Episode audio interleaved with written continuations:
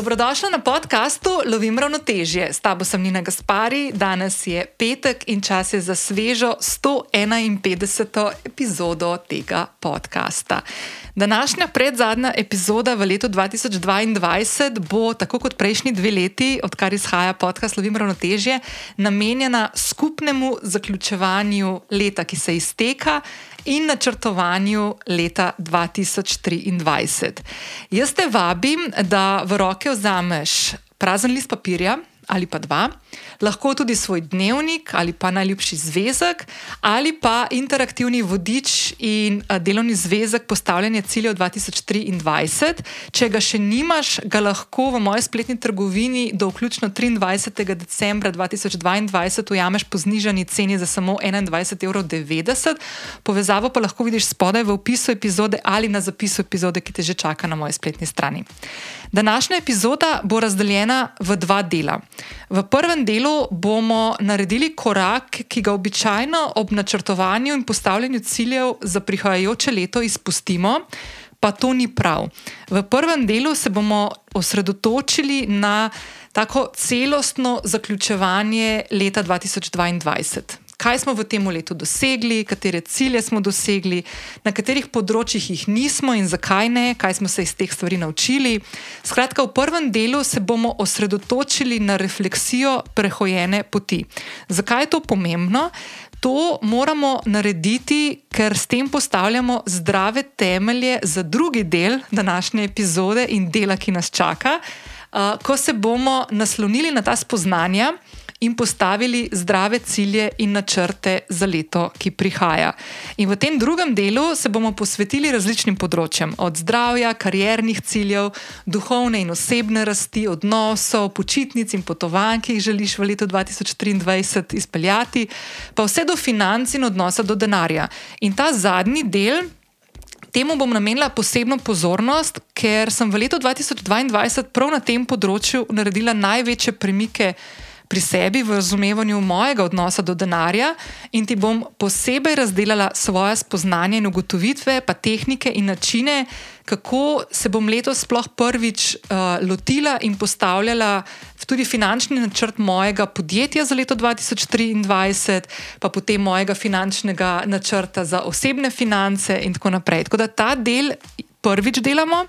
In za vse tiste, ki ste podjetnice ali pa podjetniki ali pa vodite podjetja, uh, veste, da v poslovnem svetu je to, da leto zaključujemo s pogledom nazaj, da vidimo, kaj smo naredili, predvsem zato, ker moramo en kup enih materijalov tudi oddati uh, davčni upravi.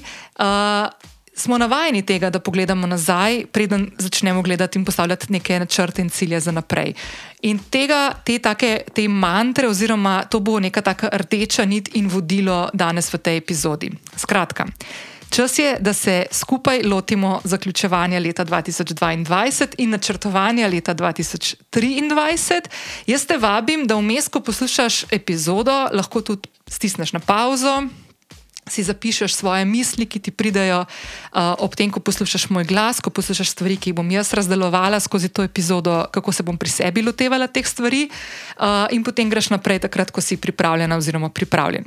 Še prej pa, če še nisi prijavljena na podcast Lovim Ravnoteže, to lahko storiš zdaj prek aplikacije, na kateri trenutno poslušaš to epizodo. Vedno sem vesela tudi ocenin mnen, ki mi jih lahko pustiš na podcast aplikaciji ali pa se mi oglasiš v zasebno sporočilo. Najraje vidim, vidim, da to narediš na Instagramu, ker se ti bom tam najhitreje tudi javila nazaj. S prijavo dajo ocene in mnenja na aplikaciji, pri kateri poslušaš podcast, pa pomagaš, da zanj slišijo tudi te podobne ženske in moški. 151. epizoda podcasta Lovim ravnotežje je nastala v sodelovanju z NLB in je četrta v nizu epizod, v katerih bomo odgovarjali na najpogostejše vprašanja podjetnic in podjetnikov, ki se dotikajo poslovanja, vodenja in upravljanja poslovnih financ, in danes tudi zaključevanja poslovnega leta in načrtovanja novega leta. Evo, pa začnimo. Uh, začeli bomo v delu, ko zaključujemo leto, ki se izteka, torej leto 2022. Uh, naredili bomo eno tako refleksijo na različnih področjih, in uh, nam bo to služilo kot neka taka super istočna točka in osnova. Ali pa temelj, zato da se bomo potem konkretneje lotili iz pravega izhodišča, iz tega nekega zdravega temelja, uh, kraja oziroma mesta, na katerem se trenutno nahajamo po svoji prehojeni poti do zdaj, bomo na, tem, na tej osnovi naredili potem tudi načrt in cilje za naslednje obdobje, za leto, ki prihaja. Vedno je dobro, da se ozremo nazaj, da pomislimo na to, česa smo se naučili v letu 2022, da si vzamemo nekaj trenutkov za to, da premislimo, da speljemo en tak krok uh, samorefleksije in da na pravi, tak nežen, prijazen, sebi prijazen način zaključimo staro leto. Uh, zdaj, ključna vprašanja, ki se, ki se jim lahko posvetimo v tem delu, je, naprimer, ena od stvari, s katero se jaz zelo rada poigravam ob tem času, je, uh, kakšno je bilo leto 2022 za me. Um, grem skozi nekako, skozi misli, skozi leto, ki se izteka poskušam določiti tiste neke trenutke, prve, ki mi pra, padejo na pamet, kje so tiste stvari, ki jih še posebej nosim v srcu, v duši, v glavi svoji, na katere sem ponosna, da so se zgodile, iz katerih sem se mogoče veliko naučila.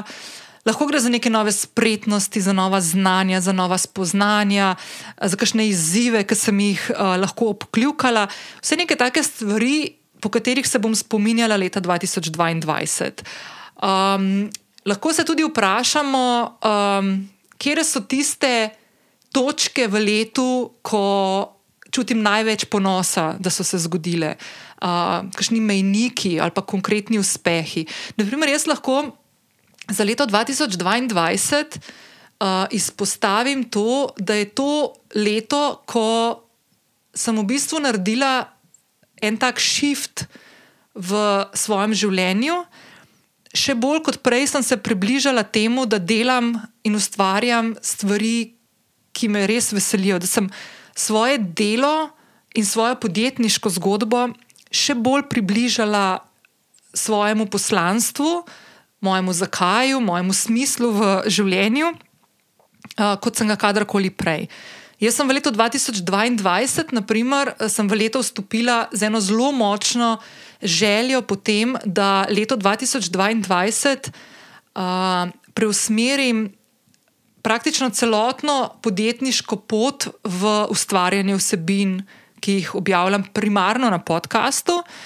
In uh, nekako sem tisti drugi del kariere, ki je bil do leta 2022 moj primarni, in to je, bil, uh, to je bilo svetovanje na področju odnosov z mediji sem nekako tako spustila iz življenja. Spustila sem ga na stran in lahko rečem, da je to leto prvo leto v praktično 20 letih, ko nisem več delala na tem področju, na katerem sem prej ustvarjala 20 let. Um, bilo je tudi naporno leto, prav zaradi teh velikih sprememb, zaradi hoje izven cone obdobja, kar sem se začela nekako nedolgo nazaj s tem spoznavati in, in, in uživati v tem. Ampak je bilo ravno zaradi te odločitve to leto izredno naporno za me.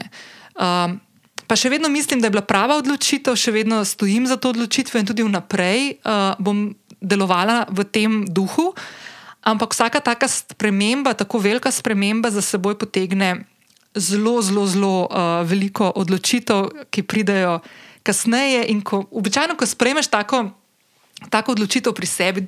Naprimer, jaz sem to lani delala ravno v tem času, uh, konec decembra, ko sem si nekako postavljala cilje za prihajajoče leto, za leto 2022, je bila ena od stvari, ena od želja, ena od, eden od ciljev. Točno to, kar danes zdaj opisujem za nazaj, da se je res zgodilo in da je za mene eden največjih mejnikov in uspehov v letu 2022. Takrat, ko sem postavljala to namero, seveda se nisem čisto dobro zavedala, kaj vse bo to za seboj potegnilo, ker običajno je tako, da če bi vse stvari te vedeli, se marsikšne stvari ne bi lotili. Um, ampak je tako, um, eno tako globoko izpopolnjenost čutim, zdaj, ko je konec leta in ko je dejansko celo leto šlo po tem načrtu. Um, tako da to je, ena taka stvar, na katero sem izredno ponosna. Um, seboj je pripeljala res veliko izzivov, tudi na drugih mojih življenjskih področjih. Uh, dotaknila sem se odkrivanja enih stvari, v katere sem v bistvu želela ugrizniti že kar nekaj časa, pa se nisem upala. Naprimer, konkretno je to um, področje razumevanja uh, oziroma spreminjanja odnosa do denarja, urejanja svojih financ, ločevanja uh, financ podjetja od osebnih financ. Um, to so take stvari, vrčevanje, to so take stvari, ki sem jih že, če me poslušaš že dalj časa, sem o tem zelo veliko govorila že v preteklih letih. Pa je bilo vedno tako zelo v teoriji, ne? nikoli se nisem tega res tako lotevala, da bi, da bi, se, ne, da bi se premaknila neka, iz neke svoje točke, v kateri sem obstala z, z neznanjem, ker nisem, dejansko se nisem nikoli posvečala temu um, da bi konkretno se spoznala s tem področjem in znala začeti upravljati te stvari. Uh, v letošnjem letu lahko rečem, da sem to naredila in da zdaj že dobrega pol leta funkcioniram na čist drugačen način na tem področju, kot sem prej. Uh, pa bom malo kasneje to razložila, zato ker uh, prav ta spoznanja in ta nov. Novo, to, to moje novo delovanje in razumevanje upravljanja financ, tako osebnih kot poslovnih, uh, je preneslo tudi en kup enih stvari, ki mi pomagajo sicer v življenju, naprimer tudi to, da sem bistveno bolj umirjena, uh, da na bolj miren način sprejemam odločitve, da nimam občutka, da sem konstantno v nekem stresu in tako naprej. Pa bom o tem malo kasneje uh, govorila. Zdaj, še ena stvar, ki jo lahko v tem delu, ko se ukvarjamo z zaključevanjem leta, vključimo notri, je, um, naprimer, da pomislimo na tri ali pa pet ali pa lahko tudi več, ampak tiste glavne zmage v letu 2022, ki smo si jih zadali in smo jih dejansko tudi dosegli. Um, tukaj je vedno fino izhajati iz tega, da pomislimo in, in ne preveč razmišljati, ne preveč. Um, iti v globino. Tiste prve tri stvari, ki se, ki se jih spomniš, ki si rečeš, evo, bravo, to mi je pa letos ratalo, to mi je bilo pa super, uh, to sem fino, sem si to postavila in sem to, in sem, in sem to si zadala. Naprimer, jaz konkretno tukaj lahko rečem, naprimer, to, kar sem že omenila, naprimer, na področju upravljanja denarja oziroma financ, sem si ful, ful, ful nalila čistega vina, uh, začela sem razmišljati širše. Um, postavila sem si neke cilje, ki uh, so postali zdaj tako v nekem mojem zemljevidu, kam želim naprej, uh, so postali neke take moje roadmapi, se pravi. Istočnice, oziroma točke, k katerim želim se premikati, in moje prioritete. Potem ena stvar, na katero sem ful ponosna in, in ful vesela, je moj partnerski odnos, ki se ful krepi, ful ima lepo leto z Miho za sabo. Um, ful mi je lepo, kako um, se dopolnjujeva, kako si pomagava, kakšne stvari, ki so njemu, um, take, ki jih obvlada, naprimer ne pisanje. Uh, kako lepo on predaja znanje meni in kako sem mu jaz pomagala pri, pri določenih stvareh, naprimer temu, da je podcast svoj postavil, ko je dal knjigo ven osebno, sem mu ful stala ob strani, sem bila ful vesela, da mi je tudi dovolj, da ga spremljam ob, taki, ob tem velikem trenutku za njim. In je to en tak moment, ki se mi zdi, da je ful najna zmaga. In da je najmanj partnerski odnos zaradi tega ful močnejši, uh, kot je bil. Um, pa potem ena stvar, na katero sem tudi ful. Um, ponosna. Um, pa ja, to, da smo si tudi dovolila in vzela ful časa za počitek, pa za potovanja, pa za obisk, obiske kakšnih prestolnic, le malo bolj v bližini, ki smo šli za kakšen podaljšan vikend, da smo si tako malo prvošla čas zase um, in tako naprej. No, tako da to so bile take fulepe stvari, še, ki so se tako zgodile. Zdaj, eno so zmage v letu, ki se izteka. Pa so pa tudi kakšni neuspehi, pa porazi, naprimer, ki se zgodijo. Uh, tudi to je vedno fino, malo si razdeliti uh, in mogoče um, locirati, kje so bile tiste stvari, ki so se zgodile, na katere mogoče nismo računali, pa so se zgodile, ali pa mogoče. Um, Smo načrtovali kakšno stvar, pa se ni iztekla tako, kot smo si zamislili. Vedno je pa fino ne, ne pozornost dajati na to, kaj vse je šlo na robe, ampak ko, ko postavimo, naprimer, rečemo, ta stvar se je zgodila, pa ta stvar se je zgodila, ne zdaj preveč se okrog tega, kaj se je zgodilo, uh, fokusirati, pa, uh, pa pozornosti namenjati, pa energije tja usmerjati, ampak se predstavimo tja, da vidimo. kaj smo se iz takih trenutkov naučili, do katerih spoznanj smo prišli. Um, a se je potem kakšna stvar zgodila, pa mogoče je nismo na prvi, na, na prvi hip povezali s tem nekim neuspehom ali pa porazom. Ker doskrat se zgodijo kakšne stvari, um, ki nas spravijo mogoče v neko nelagodno situacijo ali pa v neke občutke negativne, ampak ko, ko pogledamo tako malce širšo sliko, se pa lahko zelo pogosto zgodi, da iz teh situacij, iz teh izkušenj pridejo kakšne ful pomembne stvari, ali kakšna spoznanja, kakšne nove priložnosti, novi projekti, uh, nova služba, nov partner, uh, ne vem, novo stanovanje, karkoli. Tako da, stvar, mis, zakaj delamo ob koncu leta to neko refleksijo, zapiranje leta, ki se izteka, zato ker lahko mal širše pogledamo na to obdobje časovno, kot naprimer, če to delamo iz dneva v dan, ker smo res tako noter, zelo noter v, v svojih glavah, v nekih konkretnih situacijah, ki se nam takrat odvijajo in običajno jih rešujemo ali pa se z njimi ukvarjamo tako, ker moramo nekaj na, na hitro ali pa v, v nekem doglednem času nekaj rešiti. Ne? Um, naslednja stvar, še enkrat, kot sem rekel na začetku, dajte si ustaviti podcast, takrat, ko pridete do. Um, do kakšnih takih stvari, ki vam zbudijo neko razmišljanje, da te ustavite na pauzo, pa si zapišite na list papirja, naprimer, vem, tri največje zmage, uh, stvari, ki so se zgodile, pa mogoče niso bile glih pozitivne, ampak kaj smo se iz tega naučili. Dajte si to ustaviti, pa si delite, uh, pa si delite zapiske, kar vam pade na pamet. Ne preveč razmišljati, puste slovnične napake, velike začetnice, vejce in tako naprej.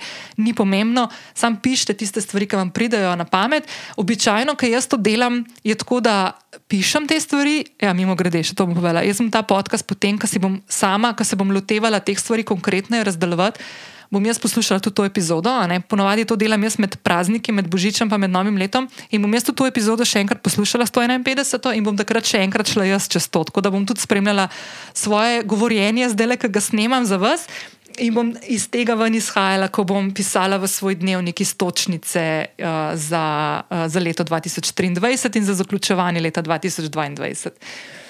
Um, še ena stvar, ki jo je vedno fino vključiti v to zapiranje iztekajočega se leta, je, da mogoče lociramo neko področje v življenju, na katerem smo naredili največje premike ali pa smo se največ naučili.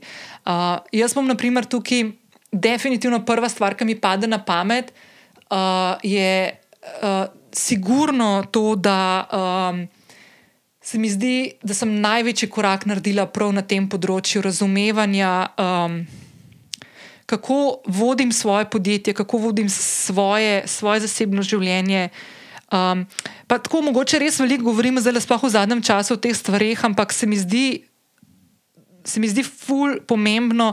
Mislim, ne znam drugače obesedati boljše kot tako, da rečem, da imam prvič v življenju občutek, da jaz upravljam z denarjem, pa s financami, prej sem bila pa jaz upravljena. Ne? In ta občutek neke upolnomočenosti, ko razumeš, zakaj določene stvari, kaj, kaj se dogaja, da da nekako ne splavaš na zeleno vejo, ali pa da imaš ta konstantni občutek, da greš iz meseca v mesec in kako te stvari spremenjaš, um, je v bistvu, po mojem, tako največji.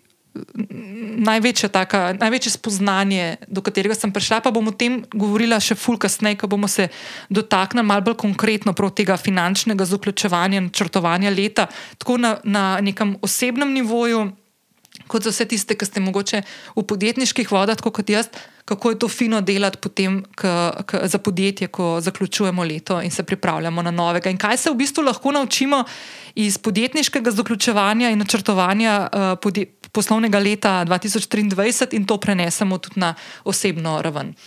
Um, še ena stvar, ki jo jaz ponavadi vedno um, vključim v ta del um, zaključovanja leta, ki se izteka, je, da naprimer pomislim na kakšne spremembe, ki sem jih naredila ali pa upeljala in so mi odprle kakšne nove priložnosti ali pa um, vem, nove izzive, ali pa so bile posebej pomembne v, v letu in so bile posebej pomembne name in jih bom vzela tudi vnaprej. Um, potem, kje je tisto področje, ki sem se mu najbolj posvetila v iztekajočem se letu, tudi to je ena taka stvar.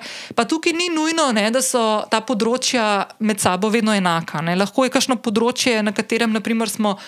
Um, Se posebej posvetili, pa je to lahko nekaj drugega kot tisto, kje se je zgodila največja sprememba. Ni nujno, da je vse, naprimer, uh, samo povezano z naprimer, vem, karjerno potjo, lahko so tudi na odnosih, lahko je na, v zasebnem življenju, lahko je zdravje, um, lahko je osebna rast. Um, Kjer, ali pa dom, naprimer, ne vem, mogoče ste kašen, lahko je kašen od vas um, stanovanje prenovil ali pa se preselil v nov dom, kakorkoli. Lahko je ogromno enih stvari, na katerih so se kakšne stvari zgodile, pa jih potem tako skozi leto, ko teče, kar mal pozabimo. Uh, pa tako je naslednja stvar, je lahko tudi to, ne, glih obratno. Ne, kje, a smo kakšno področje mogoče posebej zanemarili, pa dali malo na stran. Mislim, jaz tukaj lahko konkretno povem, gibanje pa prehrana. Jaz sem tukaj letos, sicer na ravni prehrane, sem eno obdobje res bila fultko dosledna, ker sem tudi sledila enim konkretnejšim načrtom, ki smo jih z mojo mojico, z mojo prehransko svetovalko, ki ste jo že spoznali v prejšnjih uh, epizodah, pa jo bom tudi polinkala v zapis epizode um, ste jo že spoznali, mislim, da sem imela v dveh epizodah letos. Uh, mi dve smo konkretno se lotili kar nekaj stvari zaradi mojega zdravja, zaradi moje te, uh, kronične okužbe s HPV-jem v tem letu. Bom malo kasneje to povedala. Ampak je, um, sem zdaj v zadnjih parih tednih ali pa mogoče dveh mesecih tako res opustila en kup enih stvari in mogoče to jih ni fajn. Gibanje moram ful, ful narediti na tem naslednje leto, ker sem kar mal zanemarila to področje. Tako da um, je to naprimer ravno. Mal, mal drugače kot tisto, kar sem prej rekla, na katerem področju se mi zdi, da sem dosegala največ, ali pa kjer je bilo tisto res ključno, kar sem se mu najbolj posvečala v tem letu. Um, zdaj, ena stvar, ki si lahko malo več časa vzamete za premislek, je, Uh, kaj sem, zakaj sem najbolj hvaležna, se je zgodilo? Kaj je tisto, kar se je zgodilo v letu 2022 in do, do, do stvari ali pa osebe, do katere čutim največ hvaležnosti? Um, kaj je bilo tisto, mogoče na osebni ravni, na odnosih, uh, mogoče slu, če ste v službah, mogoče kakšen odnos v službi s kakšno sodelavko ali pa sodelavcem. Kaj je tisto, kar ti prvo pade na pamet, ki pomisliš? Oh, wow, kako lepo. Um, to je bilo pa res fajn, da se je zgodilo in sem fulh hvaležna in za ta trenutek, ali pa tej osebi, um, ali pa tej priložnosti, ki se je zgodila v letu 2022. Tukaj se lahko malo več časa vzamete, tudi tisti, ki imate. Um, Vodič uh, postavljanja ciljev, imate malo več prostora v vodiču, namenjenega prav temu.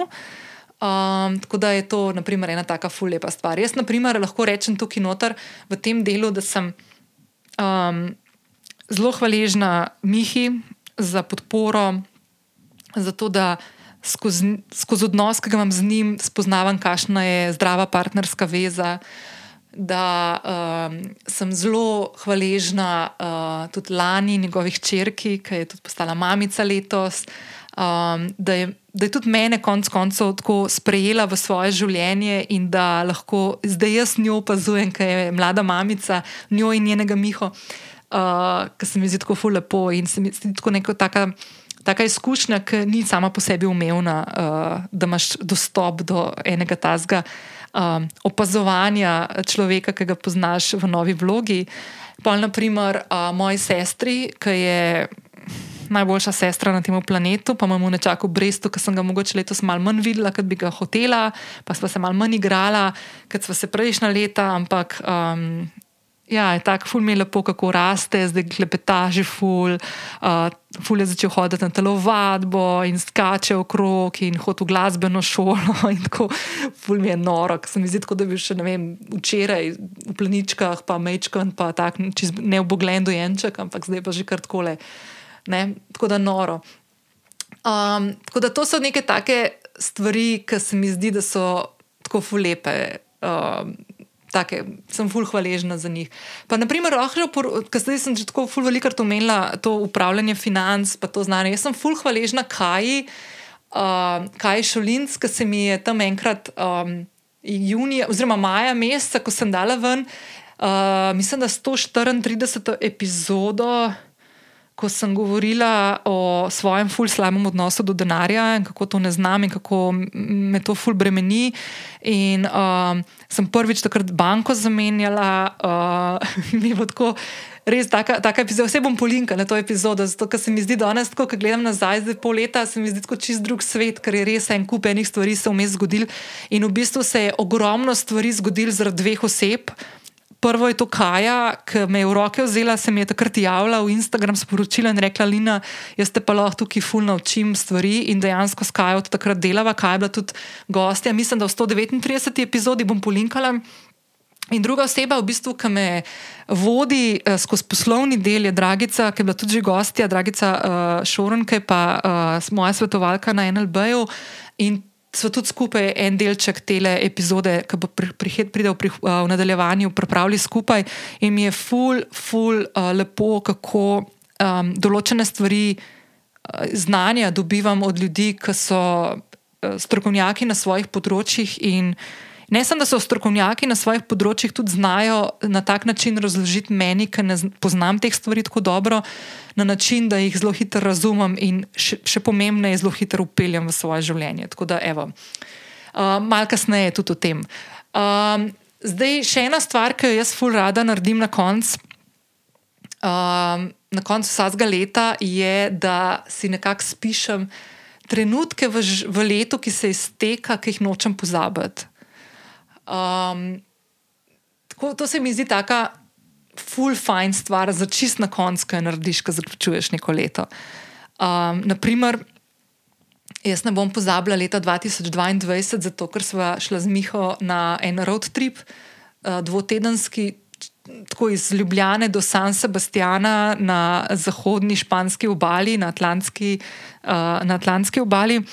San Sebastian je uh, prestolnica, svetovna prestolnica dobre hrane. Uh, ima tudi največ mišljinovih zvezdic, restauracij z mišljinovimi zvezdicami na kupu. Mi dva nisva še niti v eno, zato ker sva jedla street food in je bilo noro dobro. Uh, na poti v San Sebastian sva se ustavila v Bernu, uh, švicarski prestolnici, in sva se šla spet kopati v reko Are, ki naj jo je nesla po stokom in je bilo full dobro. Um, potem še ena stvar, ki se je tako ful spomnim, bila tako ful lepa. Kar sem tudi parkrat omenila, je, ko je Miha izdal knjigo osebno, pa je bil dogodek v Cankarjevem domu, gor v klubu.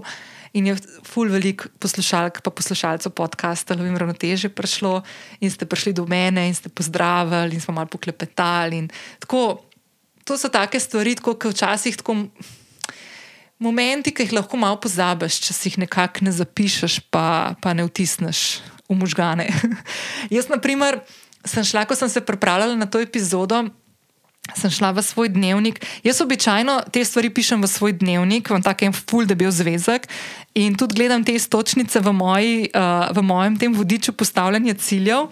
Uh, ampak si full rajš pišem v dnevnik, zato da imam pol na kupu. In, naprimer, ko sem se pripravljala za to epizodo, sem šla pogledat za dve leti nazaj, kaj sem pisala ob, let, ob koncu leta uh, 2021, pa 2000, ne, ja, 2021, pa 2020, mislim, da imam za dve ali pa tri leta nazaj, mogoče um, imam napisano. In mi je full lepo, kakšne stvari tako vidim, sploh te neke trenutke, ki sem jih v bistvu, če jih ne bi napisala, bi jih malo pozabila. No. In je res, res ful, ful, ful, fajn. In to je ena od stvari, ki mi jo je, se spomnim tudi letos, mm, ko sem se pogovarjala. Z Miho Rekarjem v podkastu je rekel, da ena od boljših stvari, ki jih lahko narediš, ko pišeš dnevnik, da ga pišeš takrat, ko se dobro počutiš. In je res, zato ker take stvari običajno se zatečemo k pisanju dnevnika, takrat, ko imamo kakšno stisko, ampak v bistvu je ful pravilno, da pišemo tudi takrat, ko se imamo dobro, zato da se spomnimo pa za nazaj. Ker nam je mogoče kdaj spet hudo, pa pogledamo v dnevnik, pa vidimo, da znamo se imeti pa tudi fajn v življenju, da, nam, da se, imamo tudi lepe trenutke, pa srečne trenutke in se lahko malo zatečemo tudi v te spomine. No? In tudi to pomaga. Tako da, tako da to. Pa še eno stvar bom mogoče tle izpostavila uh, ob zaključevanju leta, ker se mi zdi tudi fajn. Uh, en kup enih pogovorov sem imela z res res krasnimi sogovorniki in sogovornicami. Uh, pa ne bom izpostavljala, ker sem prejšnjo epizodo sem dala en tak izbor, venček, uh, kolaž, uh, parih delov izsekov, pa naslednji teden, če to poslušaš v realnem času, v 152. epizodi bo drugi del venčka. Um, ampak tako res, res je bilo to leto polno enih zelo fajn pogovorov. Jaz sem se ogromno stvari tudi naučila. Ogromno stvari sem spoznala in tem sem spoznala, ki jih mogoče prej nisem uh, poznala. Naprimer, ne morem pozabiti pogovora s Filipom Vurnikom, um, ki mi je predstavil transpolnost. Um, ali pa naprimer uh, z Anjo Ramšak, ki smo se pogovarjali tudi o njeni izkušnji zgorelosti, um, ali pa z Mojco, ki smo govorili, Sekulič, ki smo govorili o vlogi pa vplivu prehrane na zdravje, pa potem v drugem delu, ko smo se pogovarjali o mikrobiomu, zakaj je to pomembno, da poznamo, da spremljamo, kako ga krepimo, kako, kako je to povezano z imunskim sistemom. Um, pa polka sem se pogovarjala vem, za Ljošo Bagalo, pa, pa Miha, ki je bil gost. Mislim, ful sem vesela, da sem pogovor posnela, pa da ga imamo tako le posnetka, da se lahko kdaj zatečem, pa ga grem mal poslušati. Da, ja. Zdaj, še ena stvar, ne. Um, Ker smo prej govorili o hvaležnosti, ne samo stvarem, ki so se zgodili, lahko smo hvaležni tudi ljudem. Tudi to lahko posebej napišete, kdo je bil tisti, ne, ki je najbolj tako pečat. To lahko tudi ločite, uh, čemu ste hvaležni, kar se je zgodilo, sebi lahko tudi, da ste se mogoče odzvali na kakšno stvar drugače, kot bi se sicer, pa ne, bili bolj pogumni ali kako koli. Pa so pa lahko še ljudje, ki smo jim hvaležni. No, se to sama že prej izpostavljam, ampak sam to še enkrat, da, da mogoče ne bo kdo to spustil. Um, pa še ena stvar, ki se mi zdi tudi pomembna, je, um, kako smo stopili iz cone obdobja, pa kdaj. A smo ali nismo. Lahko je to, ne vem, kakšna nova služba, lahko je, ne vem, da smo poslali prvo glasovno sporočilo. Um, lahko je, naprimer, nov življenjski partner ali pa partnerka. Um, lahko je, vem, prvi selfie, vse en. Pač karkoli je tazga, ki vam je prej tako res predstavljal nek težek izziv um, da zdaj pa, naprimer, pa ste to naprimer, presegali. Um, jaz lahko rečem, da je bilo za me leto 2022 leto hoje izven cone obdobja, tako praktično na vseh področjih. Um, in je tako, kot je bilo zaradi tega tudi naporno, ker to niso enostavne stvari. Je zaradi tega tudi eno od takih let, ki si ga najbolj zapomnila v življenju. No? Tako, um, tako da res um, zelo, zelo, zelo, zelo, zelo, zelo fajn. Um, tako da jaz mislim, da je to en tak ful lep del, kako lahko počasi zaključite leto, ki se izteka, z enim takim premislekom, nežnim, ni treba komplicirati.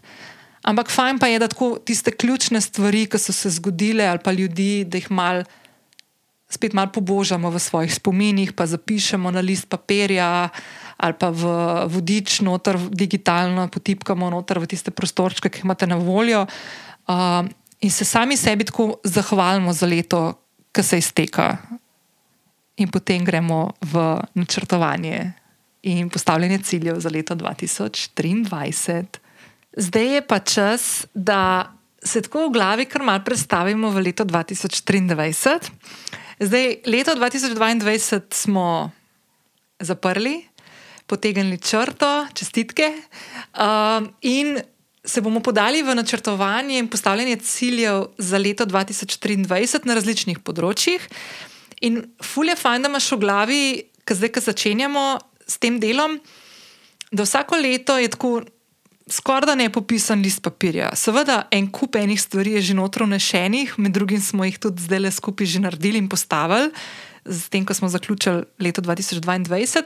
Ampak dejansko si lahko v tem obdobju, ko se leto še ni začelo, postavimo neke ukvirje, ki so nam pomembni in skozi katere želimo peljati prihajajoče obdobje. Kaj s tem mislim? Pa bom čist na začetku povedala eno čist noro stvar, ki se mi je spet letos zgodila.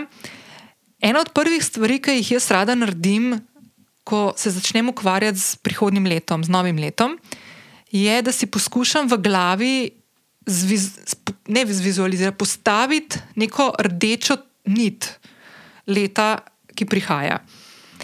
Um, in najlažje to naredim tako, da najdem eno besedo, ki jo dam za besedo leta. Um, zdaj pa, če sem zelo iskrena, običajno postavim eno besedo, zdaj lahko se zgodita dve stvari. Ena je, da mi takoj skoči ena beseda ven in si mislim, ok, to je nujno, kaj rabim v naslednjem obdobju. In bo to potrebno, da vključim vse svoje aktivnosti in vse svoje pore življenja. Naprimer, to se je zgodilo leta 2020, Uh, ko sem se pripravljala na leto 2020 in še nismo vedeli, kaj se bo vse dogajalo potem v nadaljevanju, in bo trajalo še dolgo prek leta 2020, pa mislim, mislim tukaj predvsem na pandemijo, ki je res posegla v vsako življenje. Uh, jaz sem si dala za leto 2020 besedo leta rast.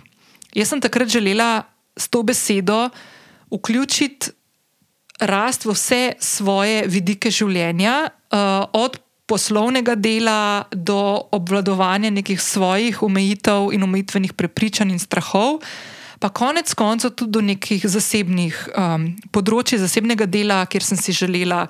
Um, Postaviti kakšne nove, no, nove, nove stvari, nove izkušnje, ki jih mogoče sem jih malo na stranski ter dajala v zadnjem obdobju. In ta beseda rast je zelo hiter, ker se je zgodila brutalna realnost, pandemija, trčila v, v eno tako zelo Uh, mislim, tako, na, prvi, na prvi pogled je izgledala totalno napačna beseda za leto, ki se je potem pokazalo, da bo. Ampak dejansko, kljub vsemu, ne, z vsemi izzivi in uh, na novo definiranimi poslovnimi priložnostmi, um, sem jaz na koncu to besedo Mislim, vmes sem že pozabila na njo čez leto, ampak dejansko na koncu, ko sem se spet usedla in delala zaključovanje leta, sem ugotovila, da ta beseda, ki sem si jo dala, ki je bila v bistvu beseda leta z namero, ki sem jo hotela skozi leto peljati, je bila dejansko vključena v vse pore mojega življenja. In sem presegla vse tiste stvari, ki sem jih hotela takrat presežti. Uh, ena stvar je bila tudi zelo, moj zelo, zelo močen strah pred uspehom.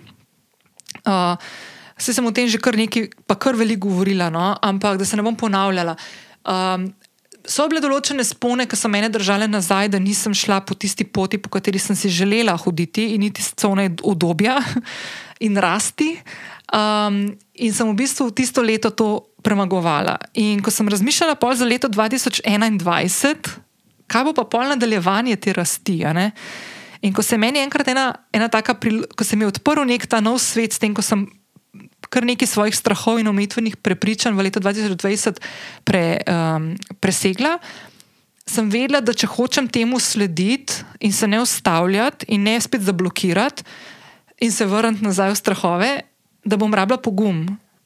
In leto 2021 je bila moja beseda pogum. Ker spet na koncu leta, decembra 2021, ko sem se lotevala načrtovanja novega leta in zaključevanja starega, sem ugotovila spet hudiča. Spet spet ista stvar. Ne? Spet sem celo leto, čeprav sem že malo pozabila. Se, če bi me kdo vprašal, ni na kje je tvoja beseda za letošnje leto, bi vedela, bi znala odgovoriti. Ampak nisem imela skozi v glavi, to je tako ponotranjeno je šlo. Ne? In zdaj še ena stvar, ki se je zgodila. Jaz sem si za leto 2022, ravno zaradi tega, ker sem spremenjala svojo karjerno pot in, in na glavo obračala v bistvu svojo podjetniško idejo, svoje poslovanje tudi mene kot osebo, kaj želim početi. In tako sem si dala besedo transformacija. Pa mimo grede, vem, saj še za dve osebi, ki ste si dali tudi to besedo za to leto. Um, in jaz sem to spet malo pozabila, ne vmes. In spomnila sem se, ker še en mesec nazaj sem odpirala nov uh, Gmail račun za eno stvar, ki bom enkrat v bližnji prihodnosti povedala, kaj se lotevam. Je zaenkrat čez skrivnost. Um, In sem hotela geslo, um, nekako, geslo, neko novo geslo izpeljati. Ne? In sem uporabljala to besedo. Transformacija, pa nekaj, nekaj v nekih različnih, ne bom zdaj razlagala, da nam preveč povedala, pa da bo kdo šel moje maile brati. Ampak dejansko sem rekla, čakaj, ampak meni je to nekaj znano, odkje sem jaz to besedo potegnila ven. In sem odprla svoj dnevnik in šla pogledati, rekla, pišu, kaj sem vedela. In mi je potegnil ven ven mi je padla takrat, ko sem iskala nek password. Mislim, tako hočem reči, da so ful, ful, ful globoke te vaje. In je dobro, da ko take stvari delaš in ko razmišljaš o načrtovanju prihodnega leta, je ful pomembno, da si res vzameš čas, tišino, da premisliš stvari, ker je dobro te stvari ubesediti na prav način. Um, tako da, evo, tle se lahko igrate z vsem živim. Ampak zdaj, tako kot sem rekla, prejšnja leta se mi je ta beseda takoj zapeljala ven. Ne? Takoj sem vedela, kaj rabim v nekem novem letu in sem to postavila v neko rdečo nit. Jaz v tem trenutku, ko snemam ta podcast, te besede za leto 2023 še nimam. In tudi, če ti nimaš, ni nobene panike, komu se lahko vrneš, ko boš postavljal cilje skozi različna področja v življenju, se komu lahko vrneš nazaj in potem s tem nekim širšim pogledom na to, kaj želiš naslednje leto, najdeš neko stično točko. Tako da ne rabite skrbeti, če, že, uh, če, se, če se vam še zdaj le ni pripeljal. Um, Zdaj, uh, če imate že to besedo, pa lahko začnete malo razmišljati o tem, kako lahko že danes, ne tudi če še ni leto 2023, kaj lahko že vse narediš, da se začneš počasi pripravljati na to besedo, na to, na, da upelješ to besedo v tvoj uh, v tvoje leto 2023. Uh, ta beseda lahko v bistvu fulmočno vpliva na tvoje počutje. Lahko, se, lahko naprimer, rečeš, v letu 2023 se želim počutiti, um, ali pa želim izpeljati takšne in takšne spremembe, ali pa projekte, ali pa um, to pa to novo stvar na odnosih želim narediti, ali pa na zdravju. Um, Tle se še vedno lahko tudi malo vrneš nazaj v leto 2022, pa naprimer lahko rečeš, da je v letu 2022 želim pustiti ne vem, um, tesnobo ali pa negativnost ali pa kakšno slabo rutino, ki ti ne služi več, ali pa ne vem, ljubosumno, vse vse. Karkoli tazga, kar želiš, naprimer, um, pustiti, ki pustijo v letu 2020, zapiši, da je na list naslednje. Um, ena od stvari, ki je vedno fulfina, ko se ko zdaj tako gledamo, big picture, ne, veliko, veliko širok pogled na leto 2023, je lahko, naprimer, ključni cilj. Ne. Jaz imam, naprimer, za cilje za 2023, imam, imam kar ene par stvari, ki jih lahko zdaj izpostavim. Naprimer, um, jaz imam zdaj eno poslovno idejo, ki jo želim speljati naslednje leto. Pa ne bom še o njej govorila, zato ker je še zelo v začetku.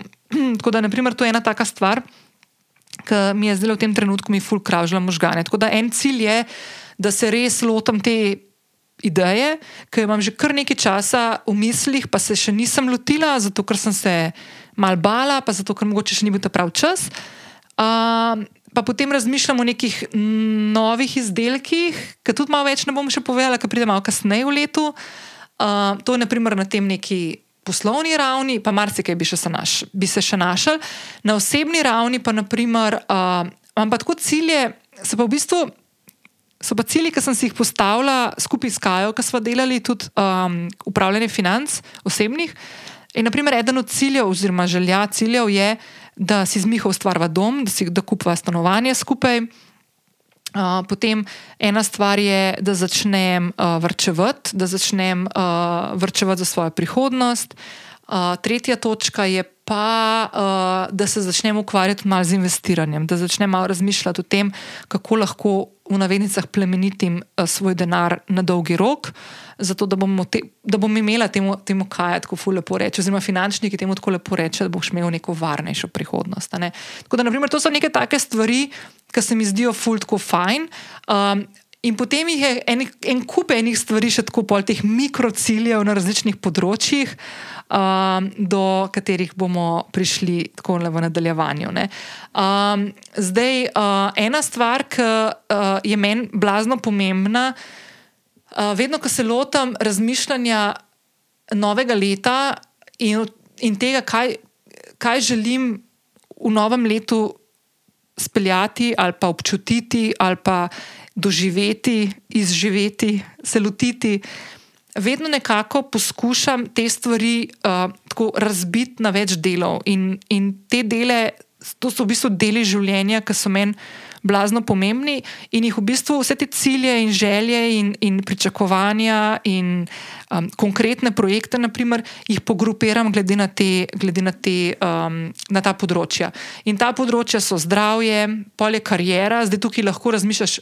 Če se študira, še vedno je lahko to študij, redna zaposlitev, lahko je tvoja podjetniška pot. Potem ta tretja, ta tretja, to, ta tretja, tretja polje kategorija je dom, pol duhovna rast, odnosi, osebna rast, denar oziroma finance in potem neka potovanja, počitnice, počitek in tako naprej. Zdaj, naprimer, če grem jaz tako konkretno, zdaj, kako se jaz tega lotevam preseb. Naprimer, zdravje. Ne? Jaz imam, tisti, ki me spremljate že dalj časa, veste, da imam jaz eno tako velik izziv, ki me že kar nekaj časa spremlja in to je, da imam kronično okužbo s HPV-jem. Jaz sem v letošnjem letu um, naredila tako, sploh ne mislim. Fulejnih stvari na tem področju, in zdaj le v začetku leta 2023 grem ponovno na pregled, in res upam, da sem se znebila tega virusa, ker sem, po mojem, naredila več kot je bilo v moji moči, skor, um, da te stvari um, vem, izlo, izločim iz telesa.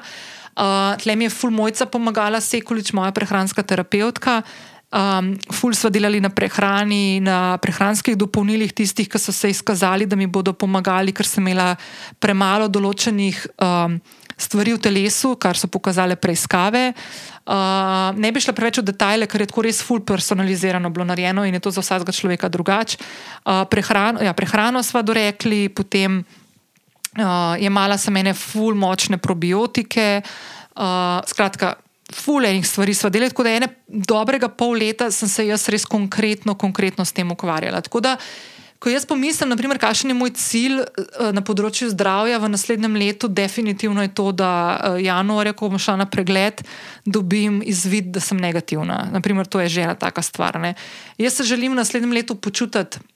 Mogoče bolj kot sem se v letošnjem letu, ko sem bila res zelo, zelo, zelo, zelo osredotočena in fokusirana na upravljanje uh, te kronične okužbe. Uh, Uh, zdaj, kaj sem jaz naredila, že, uh, da sem dosegla ta cilj, sem si lansko leto napisala v svoj uh, planer za leto 2022 in moram reči, da sem presegla vse stvari, ki sem si jih napisala, ker smo šli z mojco res fulbalo v globino. Tako da, zdaj, če gledam za leto 2023 na področju zdravja, bom mogoče tukaj napisala to, kar sem prej omenila, da bi delala več na na gibanju, na gibanju, zato, da se bom bolj počila, da bom, počutila, da bom začela krepiti tudi svoje telo, da bom močnejša in tako naprej. Tako da mogoče ta del se mi zdi kot rutino, bi jo furada upeljala nazaj uh, v svoj vsakdan. Zdaj, naslednja točka je karijera. Um, bom jaz to pustila, pa bom polka bom se lotila tega, kako bom finančno si načrtovala uh, leto 2023 na ravni osebnih financ in na ravni podjetja. Bom mal povedala več, kaj si, kakšni so moji neki karjerni cilji um, v letu 2023. Um, tako da naslednja stvar, dom. Ne? Dom je ta tretja kategorija. Um, jaz v bistvu sem um, letos se odločila in tudi že aktivno začela delati na tem, na več nivojih, da si ustvarva z Miho svoj dom.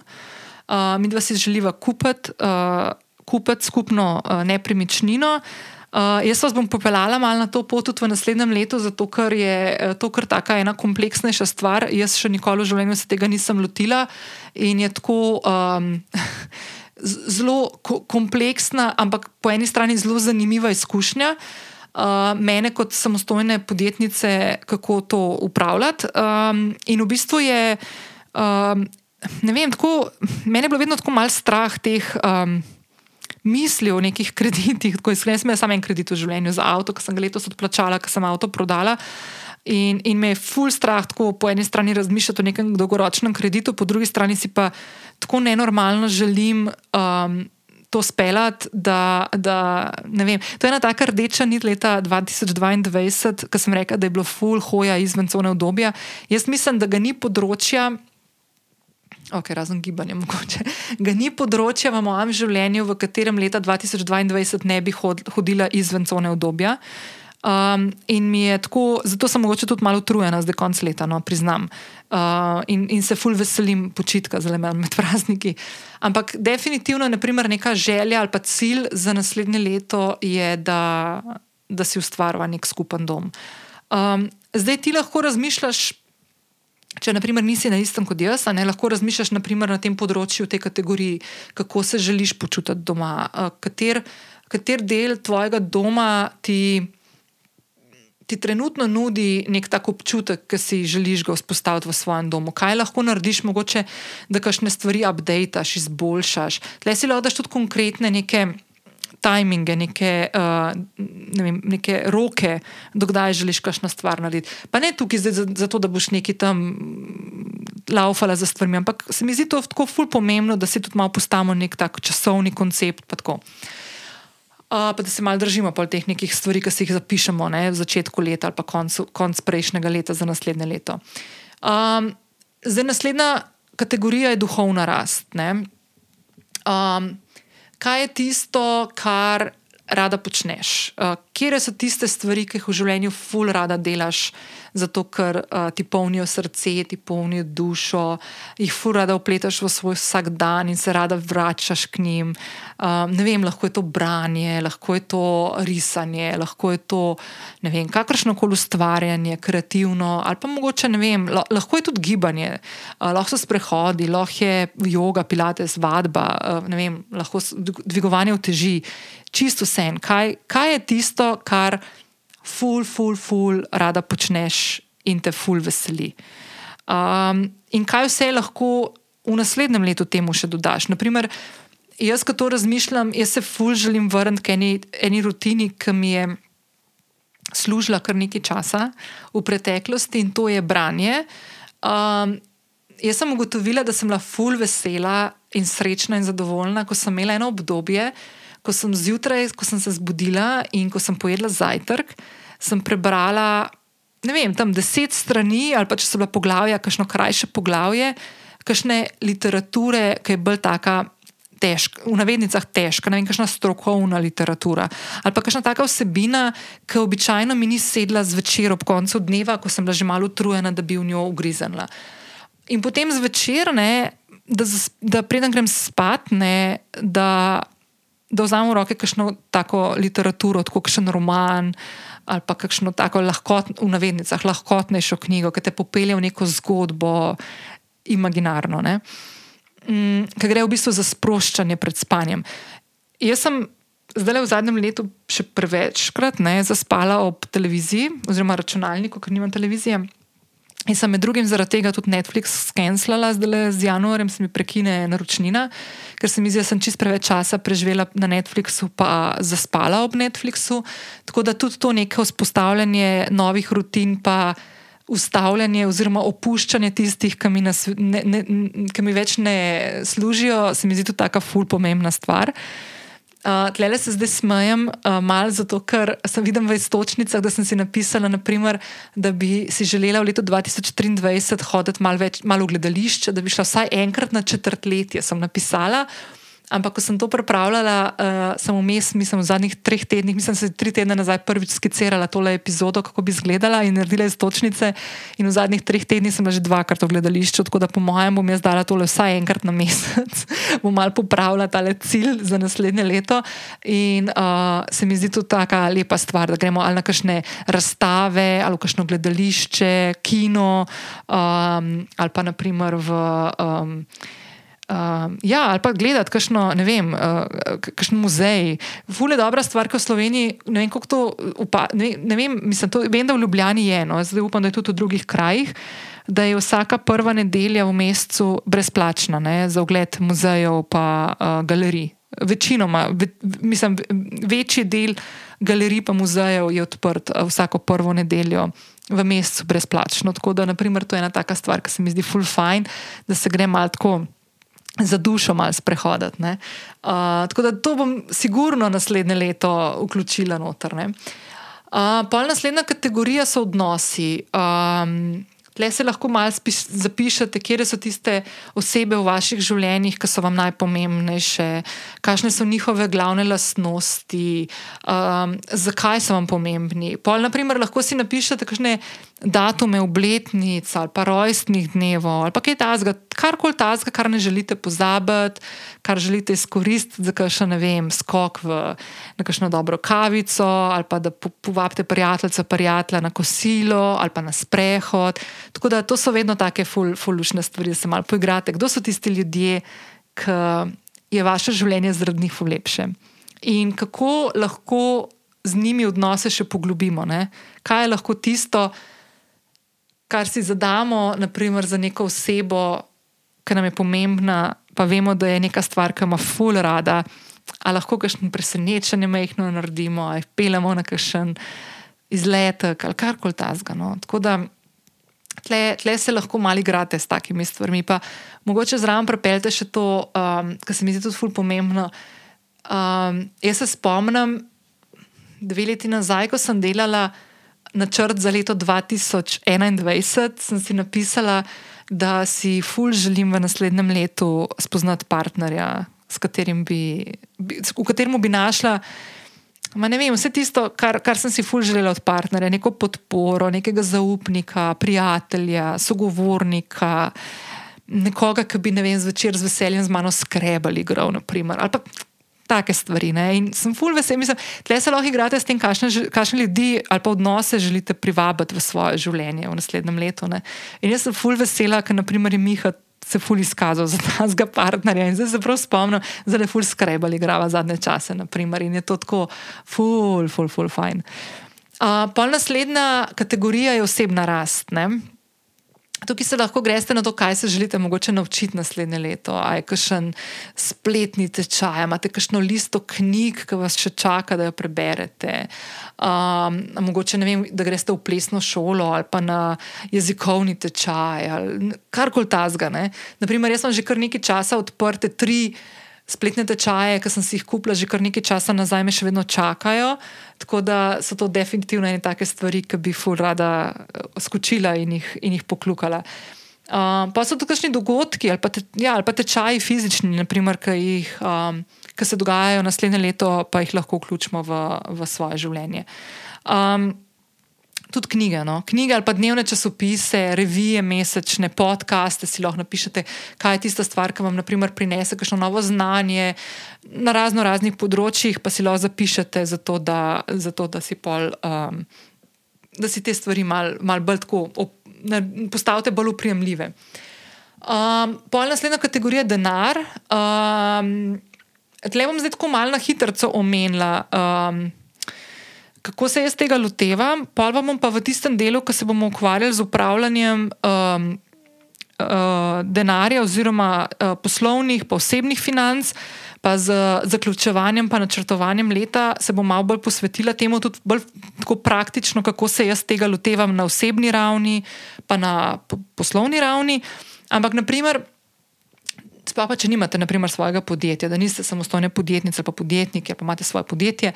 Um, Ena stvar, ki je, naprimer, full fine, je, da če imate redno službo, naprimer, lahko napišete svojo plačo in potem razmišljate, aj kakšna šansa, da je dodaten vir zaslužka najdete.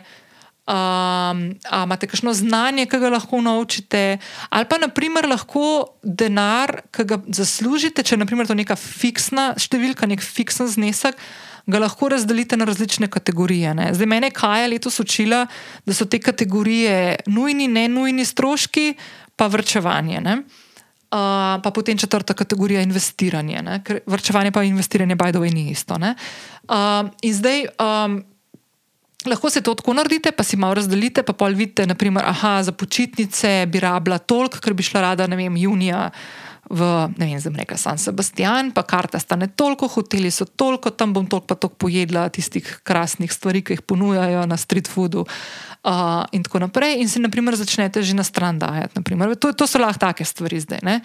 Lahko so malo bolj kompleksne, kar se jih bomo pa lotili v nadaljevanju. Um, pol ena stvar, ki je tudi fajn, pa pomembna, je, um, koliko denarja želim v letu 2023 privrčevati in zakaj. Jaz sem si, na primer, do letošnjega leta napisala vsako leto znova in nikoli se tega nisem držala, priznam, da bom, ne vem, dajala 10 odstotkov od svojega prihodka v vrčevanje. In sem gledala celoten svoj prihodek, se pravi, vem, jaz si stavim račun na podjetje in, naprimer, rečemo, da, naprimer, rečemo, da na mesec zaslužim 5000 evrov, ali pa da imamo reči 1000, da bomo zaokrožili tako enostavno, se pravi, da, da 100 evrov bi dalo vrčevanje. Um, zdaj, mi na Skaju smo letos ful dobro naredili to razmejitev med podjetjem in mano. Um, in to tako zgleda, da jaz, ko dobim, naprimer, 1000 evrov, najprej odštejem od tega vse stroške, ki jih imam s podjetjem. Se pravi, prispevke, zavarovanja, uh, dohodnino, ki jo plačujem vsak mesec kot normirana samostojna podjetnica, računovodski servis, telefon in tako naprej. Vse, kar pač sodi pod neke stroške firme, odštejem. Tega ni. To pač mora iti takoj na stran, ne, oziroma plačati, ne, če se da takoj. In tisto, kar meni ostane od tistega 10 odstotkov, dam v vrčevanje. Sam to, to je ta ful pomembna razmejitev, ki je meni v bistvu ful bremenila prej in zaradi tega se nisem držala in nisem dajala na stran denarja. Ne. Tle, na primer, vam lahko povem tako iz prve roke, uh, pa to, to bomo v nadaljevanju še malo bolj povedala, ampak tle se je točno tukaj, ne, v tej razmejitvi se je zgodil v bistvu meni največji premik v, svojim, v mojem dojemanju upravljanja denarja v letošnjem letu, zato ker sem ugotovila, da praktično z, enas, z enakim denarjem, kot ga dam vsak mesec na svoj privat račun, se pravi kot neko svojo plačo, rečemo, bistveno več prihrčujem in dam na vrčevalni račun, kot sem prej, ko sem razmišljala, da bom dala 10 odstotkov od celotnega tega prihodka, ne od tistega Jurija, ki smo prej rekli. Uh, če prej sem dala, naprimer, nulo, ne, ker sem na tok noter v tem in, in me je obremenjevalo in se mi je zdelo ful velik. V tistem prvem, preden sem plačala vse svoje nujne, nujno potrebne stroške, da sem jih poplačala, in pol do, pol do vrčevanja prešla nisem. Zdaj naredim kontra, ne. zdaj v bistvu pustim do konca meseca, kaj mi ostane, skozi mesec spremljam, kaj se dogaja na ravni mojih stroškov. Uh, to, to upravljam s tem, se pravi, da točno vem, kje se nahajam, kakšno je moje stanje na, na, na zasebnem računu, koliko sem zapravila za kakšno stvar, in tisto, kar mi na mesec ostane na privat računu, dam na vrčevalni račun. In če sem prej dala željo, da dam 10 od 1000, pa sem pol na koncu dala nič, dam zdaj naprimer 33 ali pa 30 odstotkov od tistega, kar mi ostane na privatnem računu. Kar bi verjetno bilo 20 ali pa vsaj 15 odstotkov celotnega, prej, prej bilo pa 10 ali pa pol na koncu konc nič. Sam to vam hočem povedati ko se lotiš stvari na mal drugačen način, pa na bolj razumljiv način, z zavedanjem, kje so tiste stvari, ki jih moraš plačati in jih ne moreš spustiti, ne tako kot je naprimer stroški firme, je ful enostavneje in lažje pol upravljati s tistim, kar ti ostane. Vse tako sem se jaz zdaj naučila in, in, in mi ful deluje. No. Tako da to je ful, ful, ful, ful, ful, fajn. Um, zdaj, če se ukvarjate tudi s tem, da investirate, um, oziroma plemenitite svoj denar na kakšnih drugih uh, platformah, ne vem, to so lahko tudi kripto ali pa skladi ali pa delnice in tako naprej, pol že to malo poznate bolj kot jaz. Jaz se bom s tem začela ukvarjati bolj naslednje leto. Ampak to, to je naprimer neka taka dolgoročnejša stvar, v katero vlagate svoj denar. Um, in uh, boste to potem, ne vem, koristili ali pa potegnili ven, kako koli temu rečemo, čez nekaj deset let. Ne. Vrčevanje je dajanje na stran, eh, lahko je to za nek va, varnostni znesek ali pa nek varnostni fund, emergency fund po angliško. Um, to je nek denar, ki ga imamo bolj pri roki, če slučajno se nam kakšne stvari zalomijo. Ali pa, naprimer, v mojem primeru, naprimer, jaz zdaj dajem na stran denar tudi zato, da bom imela potem nek fiksni del, ki bi ga vplačala ko bom se pogovarjala z banko o stanovanskem kreditu. Naprimer. Tako da tudi to je ena od stvari, ki so fully pomembne. Ampak bomo, bomo o tem. Um, Denarju, pa upravljanju financ uh, v, čez nekaj trenutkov. Jaz bi rada zdaj še do konca izkoristila tale, tale moment, da, da naredimo še ta zadnjo kategorijo, ki je meni fulkrasna. Uh, in to so potovanja, ali pa počitek, ali pa počitnice, ali pa, ali pa ne vem, ja, izleti. Um, kje je kraj, se želiš obiskati v naslednjem letu, kam želiš iti, uh, kaj želiš okusiti. Um, ne vem, uh, so kakšne restauracije, ki jih hočeš obiskati, kje druge. Ne vem, zdaj govorim, ker to je meni pomembno. In potem, kakšne so možnosti za neke take okušanje nekih novih stvari, pa neke avanture v nekem tvojem lokalnem obdobju, uh, okolju. Se ni treba iti uh, na drug konc sveta, ogromno stvari se odpira in, in se dogaja tudi v naši bližnji okolici, tako da si lahko tukaj prilagajate prilagajate svoje, um, svoje, po svojih sposobnostih, tako časovnih, finančnih, razpoloženskih in tako naprej. Tako da razmišljate in izhajajte iz sebe, to se mi zdi ful pomembno. Jaz bom tukaj zdaj omenila eno stvar, hm, ki mi jo je Miha. Vrgu, ki še en teden nazaj na mizo, in to je, da si ful želi iti na eno tako res dolgo potovanje čez par let. In zdaj jaz, na primer, stara Nina bi rekla, ti nisi normalen, kaj je to, kako si to predstavljaš, da bo to naredila. Ampak dejansko zdaj, ne, iz vseh teh stvari, ki jih počnem danes in kaj sem se naučila, se mi ta stvar niti ne zdi tako zelo nemogoča, ampak bo, bo izvedljiva, če se začnem s tem ukvarjati malo naprej. In če jaz zdaj le rečem, da bom z januarjem 2023 začela na stran dajati nek denar, zato da bom šla, ne vem, čez tri leta, štiri leta okrog sveta potovati, ali pa ne, po domač povedano, okrog sveta potovati, se meni to ne, ne zdi tako zelo nemogoče, kot naprimer pol leta ali pa eno leto nazaj, ki bi si mislila, wow, to pa je skregan z vso realnostjo. Tako da, evo, um, to je nekako tako grobo, grobo pogled v, v to, kako se načrtuje naslednje leto. Na maksi ravni, pa pol na mikro ravni, na različnih uh, področjih. Je pa zdaj še ena stvar, ki sem jo jaz vključila v vodič postavljanja ciljev 2023, in to je uh, en kup enih tehnik, vaj in istočnic, ki so vam v pomoč, da lahko skozi leto spremljate te vaše cilje, ki ste si jih zapisali, pa želje, pa načrte in tako naprej v realnem času. Ker eno je, da si ti to napišeš, drugo je pa, da si nekako. Um, povezan s tem, kar si si napisal oziroma napisala, in te stvari skozi leto spremljaš. Ne? Zdaj v tem vodiču boste imeli, naprimer, ena od stvari, to so take predloge, ki jih lahko uporabljate digitalno ali pa si jih natisnete na liste papirja. Uh, ena stvar je, ki se mi zdi full fine, tako malo za sanjati, ampak tako ciljno sanjanje, ne? se pravi, tako aktivno, uh, z zavedanjem, da se to lahko dejansko realizira, je naprimer lista želja po domač bucket list. Si lahko izpolnite sto različnih možnosti, ki ti lahko napišete. Uh, naslednja stvar, ki je fajn, je, da razmislite o rutinah, ki jih imate. Um, kaj so tiste stvari, ki vas osrečujejo? Ali so kakšne take mini stvari, ki jih počnete, ne vem, kopel ali pa hladen tuž zjutraj, ali pa pisanje dnevnika, um, ali pa klic sestre vsak dan. Karkoli taze, kar vas lahko popelje v to, da se boste dobro počutili vsak dan in da boste zato, ker se dobro počutite, tudi lahko bdel in kljukali tiste stvari, ki ste si postavili uh, za leto 2023. Pol je fajn vedno razmišljati tudi o tem, kje so tiste odločitve, s katerimi ti zavaruješ svoj notranji mir, pa pozitivno energijo, pa to, da dejansko se osredotočiš na tiste stvari, ki so te pomembne, ki so tvoja prioriteta, te stvari, ki imaš ti napisane za svoje leto. Se pravi, da boš mogla verjetno ali pa mogel večkrat reči ne, uh, da boš postavil meje. Um, to ti lahko pomaga, le en kup enih stvari. Lahko je meditacija, lahko je, ne vem, lahko je pisanje dnevnika, lahko je hladen tuž zjutraj, hvaležnost, vse vse. Karkoli vam pomaga pri tem, da sebe poncentrirate in da se imate v življenju fajn in da živite na tak način, kot vam ustreza, ki je lahko diametralno drugačen od mojega.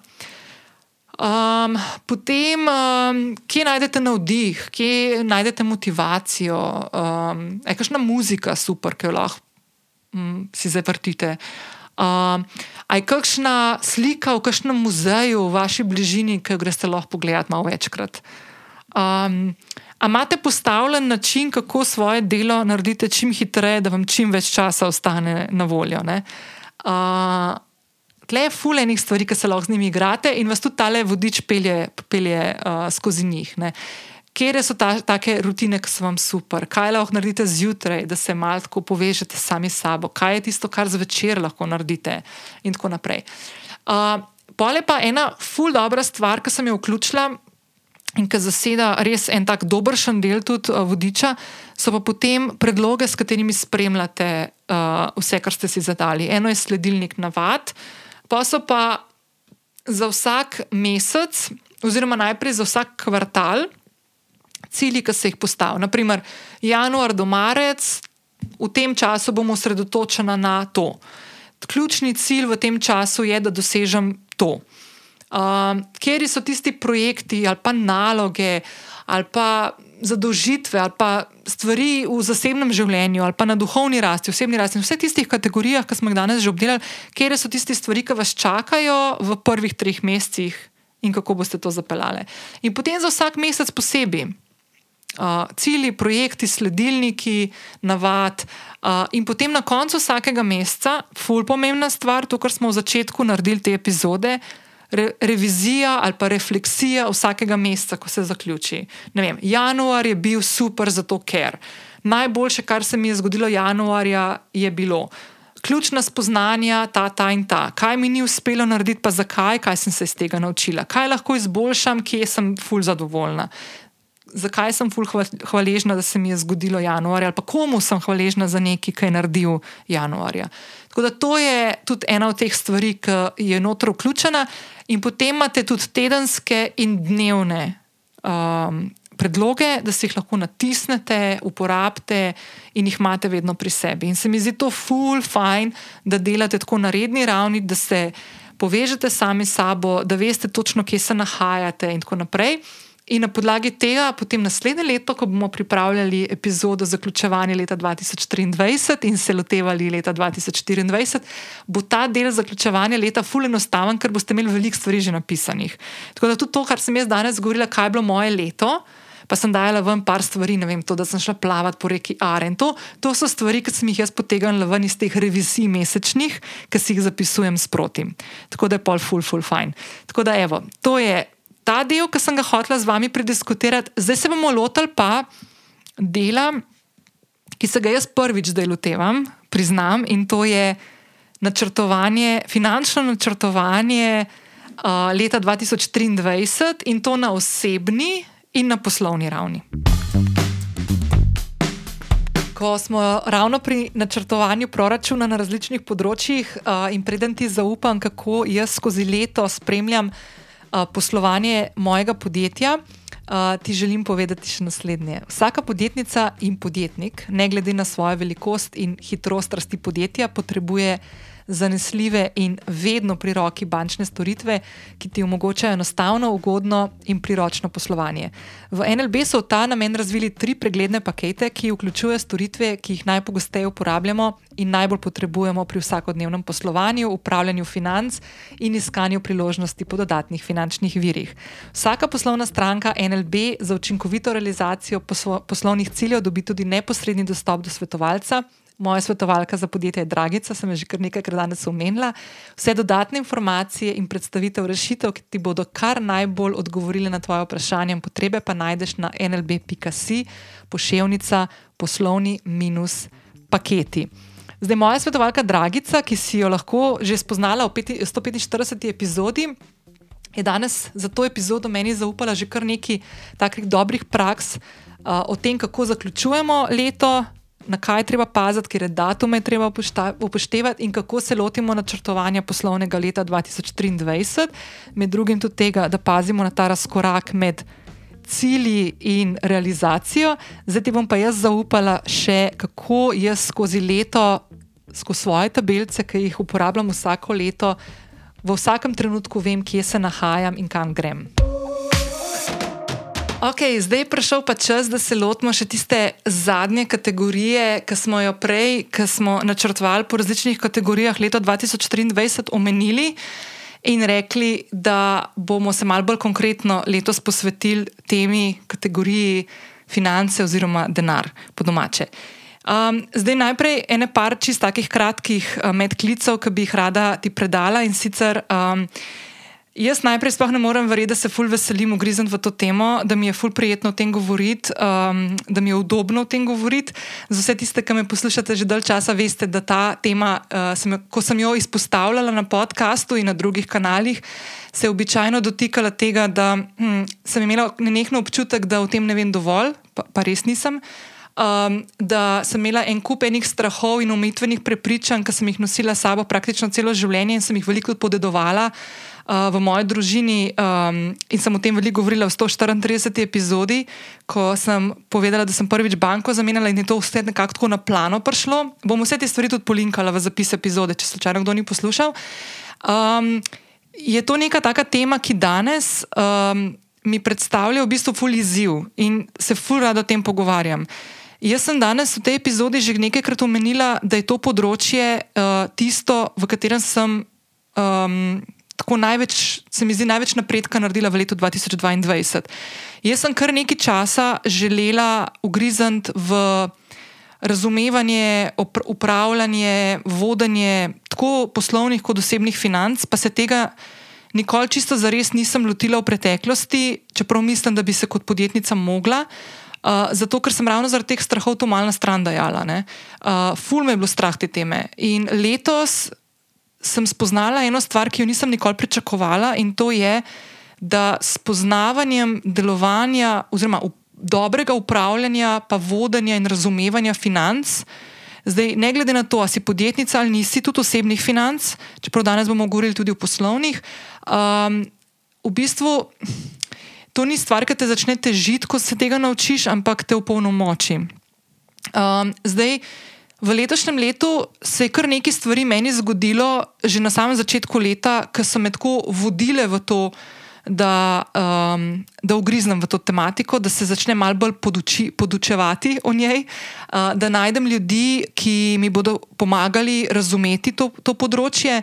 In tukaj bi fu rada izpostavila dve osebi. Eno je Kaja Šolinc, uh, ki mi pomaga na področju upravljanja osebnih financ, pa s katero sem se v bistvu dotaknila tudi poslovnih financ in predvsem tudi Dragica Šoren, moja svetovalka na NLB za podjetja, uh, ki mi je pomagala tudi ta del, ki se bomo danes pogovarjali o upravljanju, načrtovanju poslovnih financ, uh, mi je pomagala vsebino pripraviti za današnji del, ker se ne počutim tako kompetentno, ve, sicer se ne počutim tako kompetentno, da bi jaz te stvari kar sama pripravila. Sam to, da so stvari, ki sem vprašala strokovnjake, zato ker želim te vsebine, ki jih vam predam, uh, preverjati uh, in postaviti v nek tak celovit uh, okvir, ki vam bo pomoč, ne glede na to, kje v življenju, pa na kateri točki se v tem trenutku nahajate na tem področju.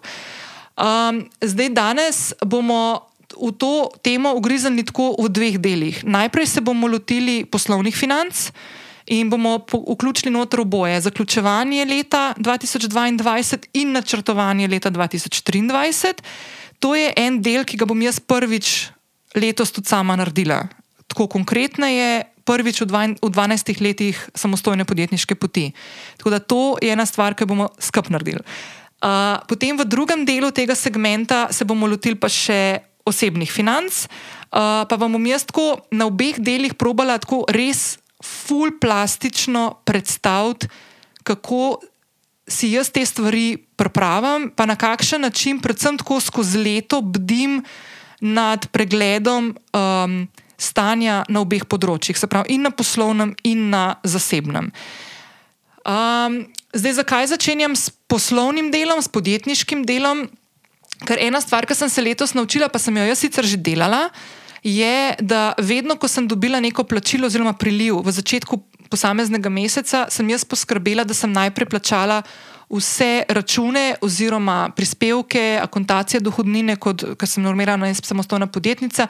Vse stroške, ki jih imam na, na ravni podjetja, sem jih jaz plačala najprej. Uh, lahko rečem, in sem na to ful ponosna, da v 12 letih niti enkrat nisem zamudila s plačilom kakšnih prispevkov, nikoli nisem imela nobene grožnje, da mi bo kdo zaprl račun, nekdo furs uh, in tako naprej. Tako da sem ful vestna, kar se tega tiče. Tako da se mi zdi to pomembno povedati, da kakorkoli se jaz nisem hotela z denarjem tako uh, poreč pogovarjati, pa ukvarjati, pa s financami, da sem pa vsem vesten človek in te stvari imam rada urejene, ker mi je ful pomembno, da sem mirna in da spim po noči. Tako da jaz, kar se tega tiče, stvari zelo, zelo, zelo učinkovito, pregledno vodim in spremljam ne samo konec meseca ali pa začetek meseca ali pa konec leta, začetek leta, ampak dejansko skozi celo leto. In bom to tudi mal povedala pol v nadaljevanju, uh, da vam predstavim tudi, kako se jaz tega uh, potem lotevam čisto na tej operativni ravni in kaj mi pri tem pomaga. Um, zdaj, um, Danes se bomo malo lotili na poslovnem delu, na poslovnih financah obeh delov. Se pravi, eno je zaključevanje leta in načrtovanje novega leta, in potem se bomo lotili tudi malo tega, kako spremljamo stroške, pa prihodke, kaj je dobro narediti. In ena stvar, ki se mi zdi tudi pomembna, ki jo želimo vključiti v ta del, zato ker če nekdo to posluša od vas, ali ima SP um, ali pa DO, uh, ali pa se lotevate, mogoče imate željo odpreti podjetje, mi je full fine, da imate zbrano na enem kupu, kaj je tisto, kar je pomembno na tem področju. Jaz bi si to full želela imeti 12 let nazaj, tako na strnjenem, na enem delu, ne da grem na neko spletno stran in pa imam meni kupenih eh, povezav in linkov na neke nove tematike in ni na enem mestu. Mene, jaz se full zgubim noter in mi mal mrak noči pade in pa ponavadi ne grem prebrati pa pogledati. In zaradi tega, naprimer, se ti lahko zgodi, da 12 let vodiš svoje podjetje in ne poznaš teh stvari, kar ni prav. In um, tako da, um, ko, ko govorimo, ne, zdaj se pogovarjamo, zdaj je konec leta. Jaz se bom zdaj v tem koncu leta prvič, kot sem rekla, tudi lotila načrtovanja finančnega uh, leta 2023, se pravi, da bom začela načrtovati uh, poslovne finance. Uh, je pa ena stvar, ki je blazno pomembna, me je tudi Dragica na to upozorila. In to je, da um, ni dobro, sploh z načrtovanjem leta, ni dobro začeti konc leta. Ne? Uh, zdaj, tisti, ki delamo naprimer, na kakšni storitveni dejavnosti, ali pa če imate uh, izdelke in morate, naprimer, kakšne nabave delati, in tako naprej, vemo, da pa če te stvari smo, smo nenehno nekako v pogonu in da moramo začeti, ne vem, avgusta, septembra, ko se tudi kakšni budžeti že pripravljajo v podjetjih, sploh če delamo na storitveni dejavnosti, uh, pripravljati, je fajn, da smo takrat že vključeni v, te, v, te, v ta načrtovanja. Ne? Tako da jaz lahko povem, naprimer, tako kot zanimivost. Par stvari bom danes prvič povedala, uh, ki jih še nisem nikoli, tako da sem to, kar se mi zdi pomembno izpostaviti. Um, jaz sem lansko leto začela prvič aktivno iskati nove partnerje oziroma podjetja, s katerimi sodelujem. Uh, in, to zato, in to že oktobra. In to zato, ker sem, kot sem omenila danes, že sem vmes spremenila poslovni model svojega podjetja in šla v čist nove storitve, ki jih danes ponujam v primerjavi s tem, kaj sem delala prej. In to je od mene zahtevalo, da predstavim te stvari bodočim potencijalnim naročnikom in podjetjem, s katerimi sodelujem, da jim predstavim, naprimer, okolje podcasta in tako naprej. In sem te stvari mogla začeti delati prej, nisem mogla čakati na decembr. Tako da mal sem se navadila tega iz leta 2021, da počnem to skozi celo leto in predvsem v tem zadnjem kvartalu sem naprimer, v letošnjem letu, to vam lahko zdaj tako malo povem, da od oktobra naprej naprimer, se jaz zelo veliko ukvarjam sa, pri sebi s tem, da predstavljam uh, različnim podjetjem ali pa oglaševalskim agencijam, ki upravljajo budžete za svoje naročnike, predstavljam naprimer, svoje delo in predstavljam, kako deluje podcast in tako naprej. Tako da to, naprimer, se mi zdi ful pomembno in tudi Dragica reka, da moram to absolutno izpostaviti. Konec leta je vedno neko tako zahtevno obdobje, tudi če nimamo podjetja. Um, zahtevno zato, ker se en kup enih stvari dogaja, en kup enih stvari hočemo urediti do konca leta. Uh, in stopiti v nek praznični del um, decembra, malo bolj umirjeno, in da se malo spočijemo, da se preživimo čas s svojimi prijatelji, družino, in tako naprej. In če imamo podjetje, ne, je dobro, da čim več stvari poskušamo začeti delati že prej. Se pravi, ne konec decembra ali pa ne v začetku decembra, ampak da začnemo mogoče kakšne stvari pripravljati prej. Zdaj, ali gre to za načrtovanje prihajajočega leta ali pa za zaključevanje poslovnega leta, ki se izteka. Uh, pa bom povedala, kako si jaz pomagam tudi s tem, da zaključujem poslovno leto že sproti skozi leto. Vam bom, vam bom povedala, kako to zgleda pri meni. Zdaj, En primer, tako zelo plastičen, hočem danes zelo, zelo, zelo plastična, da si boste znali predstavljati, kako pri meni zgleda, naprimer, zdaj to obdobje. Uh, pa rada bi sam poudarila še to. Uh, jaz bom zdaj, ko bom govorila o zaključevanju in načrtovanju, predvsem zaključevanju, pa tudi načrtovanju leta poslovnega, bom izhajala iz pravno-formalne oblike ki jo jaz poznam najbolje, in to je normirani samostojni podjetnik oziroma podjetnica, se bom na določenih delih dotaknila navadnih SP-jev in DOO-jev, ampak tukaj so stvari mečkam bolj kompleksne in drugačne. No? Sploh kar se tiče priprave dokumentacije, ko se zaključuje leto in moramo, kje dokumente moramo pripraviti in jih potem tudi oddati um, ob zaključku leta. Ampak ne glede na to, no, uh, celostno gledano je pa tako, stvari, osnove so dokaj podobne. Ne? Zdaj, moj, moj konec leta je v bistvu To sem zdaj ugotovila, ker sem se pogovarjala in se pripravljala na to vsebino. Z Dragico sem ugotovila, da jaz eno stvar, ki pa počnem že celo svojo podjetniško pot in se je zdaj le izkazala za res dobro, je to, da jaz skozi leto skrbim, da moja računovodkinja, moj računovodski servis, s katerim delam že od začetka svoje poslovne poti, vsak mesec, vsak začeten mesec, pravi decembra do nekje 10. decembra, pa 10. v mesecu, jaz pošljem vso dokumentacijo moji računovodkini za mesec, ki se je stekel, se pravi, vem, za november. Sem sodijo vsi računi, ki sem jih izdala, vsi računi, ki sem jih prejela na podjetje, naprimer, ne vem, um, Luka, ki mi pošle račun, ki mi editira podcast, naprimer, je tak primer. Uh, potem uh, vsi računi, ki so bili izdani v spletni trgovini, in bančne izpiske za vsak posamezen mesec. Vse bančne izpiske, ki jih dobim na mail od moje banke, od NLB-ja, jaz to skupaj zapakiram in vsak začetek meseca moja računovodkinja dobi ta paket. Zakaj je to dobro? Zato, ker eh, mislim, to, če si davčni zavezanc, itak moraš početi, ker ti potem mora računovodkinja ali pa si sama, uh, sam pripraviš, um, moraš oddati davke. Um, tako da uh, meni, jaz sem se tega nekako navadila, ravno zaradi tega, ker sem rada vestna pri teh stvarih in zato, ker imam rada urejene zadeve. In mi v bistvu ful pomaga, ko zaključujem leto, da se ne rabim zafrkavati s temi stvarmi. Uh, zdaj, jaz sem leta nazaj bila navadna SP-jevka. In sem, na primer, si potne stroške tudi pisala, in tako naprej. Jaz sem vedno poskrbela, da sem imela potne stroške spisane vsak mesec posebej in sem jih poslala, tako da nisem imela potem, ne vem, konec leta, da bi mogla čez koledariti, pa vse na novo, vse na novo postavljati in pisati. Se mi zdi, da je to ena taka stvar, ki je full fine, da jo imamo avtomatizirano.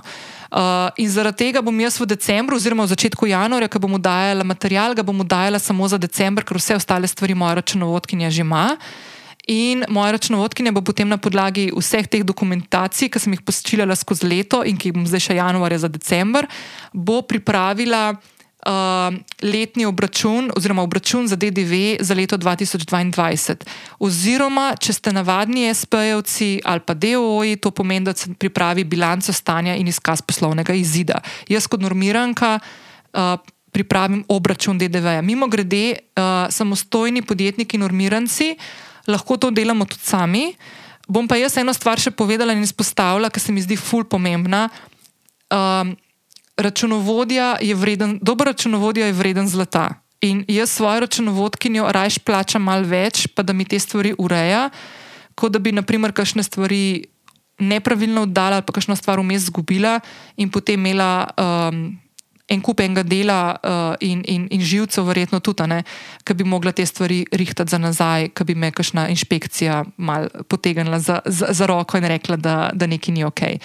Uh, Ker smo glih pri tem, bom zdaj še eno stvar povedala prvič. Eden od razlogov, zakaj sem jaz letos bila mal bolj, um, mal bolj motivirana, da res ugriznem v to razumevanje um, financ, je bilo, se je zgodilo, ena, ena stvar se mi je zgodila v začetku leta letošnjega in to je bilo. Um, Ful zanimiv. Uh, v bistvu kaže, to vam bom zdaj povedala, samo zato, ker se mi zdi eno tako ful pomembno spoznanje, do katerega sem jaz prišla na tak zelo boleč um, način. In mogoče skozi to zgodbo lahko uh, kakšnemu pomagam, da postane tudi malo bolj proaktiven na področju razumevanja in upravljanja poslovnih financ, uh, pa konec koncev tudi uh, dela z računovodjo. Uh, Jaz sem v začetku letošnjega leta postavljala novo spletno stran. Um, in ko sem postavljala spletno stran, pomagala mi je Mojca Marš, moja kolegica, ki je bila parkrat že na podkastu.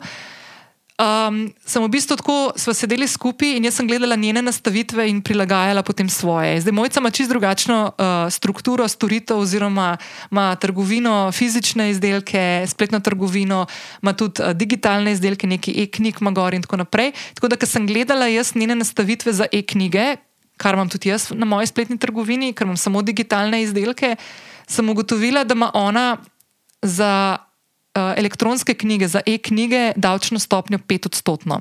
Sprav ne 22 odstotni DDV, ampak 5.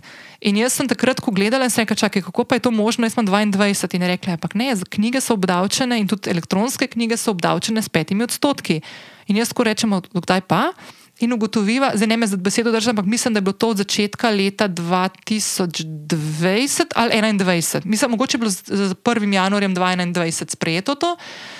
Um, in, in jaz sem klicala svojo računovodkinjo, ki najprej zatrjevala, da to ni res, je pa posvetovala se in je ugotovila, da je. Ampak jaz sem v tistem trenutku, ko sem z mojico postavljala spletno stran, trčila v to problematiko mojega nespremljanja financ in nerazumevanja tega, in tega, da sem dejansko vse stvari prelagala na moj računovodski servis, ki je sicer ok, ampak se je tleh izkazalo, da mi je ena stvar spovzela.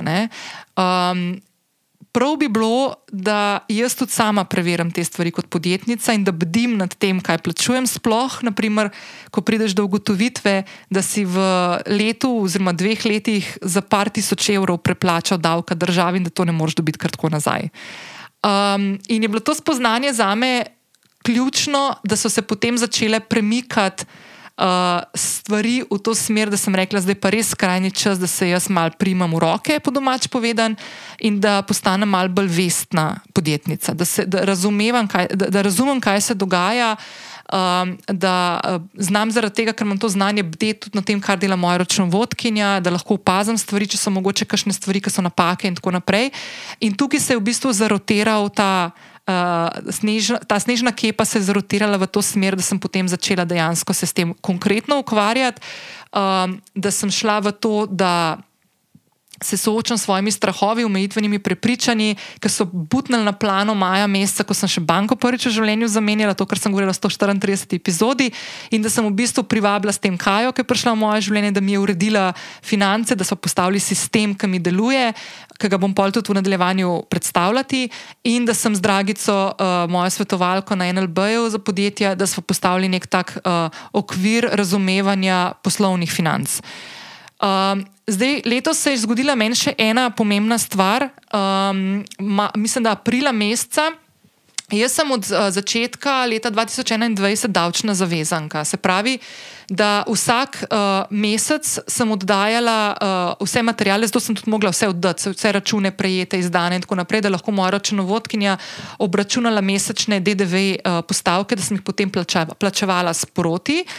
Um, se je pa potem, zato sem tudi navajena tako vestno oddajati vse te stvari, se je pa letos aprila zgodilo, da sem postala davčna zavezanka, ki oddaja DDV oziroma plačuje DDV na tri mesece.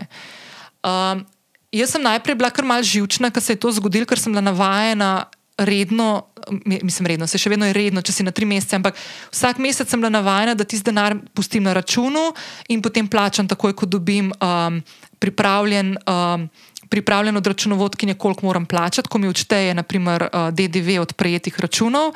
Um, in sem to ful rada imela tako urejeno iz meseca v mesec. In potem je prišlo to, da plačujem zdaj štirikrat na leto, se pravi vsake tri mesece. Um, in sem si mogla postaviti novo rutino, ne? in sem mogla še dodatno nekako tako paziti uh, na, svoj, na svoj denarni tok. Ne? In ful pomembno je, da take stvari kot podjetnice in podjetniki spremljamo skozi leto. Um, in to je ena od tistih stvari, s katero se bom jaz definitivno ukvarjala in se želim več podučiti tudi v prihodnem letu.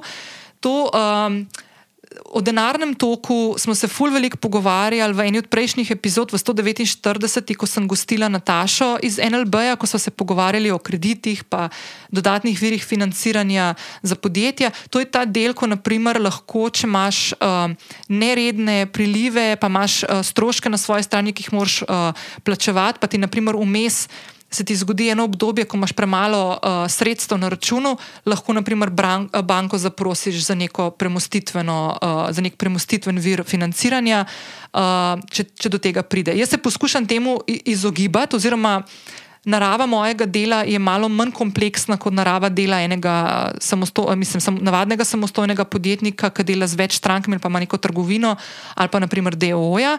Um, in ful je pomembno, da. Um, prvo, denarni tok je ful pomemben in, in predvsem v tistih časih, ko naprimer, ne vemo, kaj se bo dogajalo, ne, kakšne bodo razmere na trgu. Zdaj, stvari se itak v podjetništvu vedno spremenjajo. Ne rabi biti neka kriza na trgu, da smo priča nekim spremembam.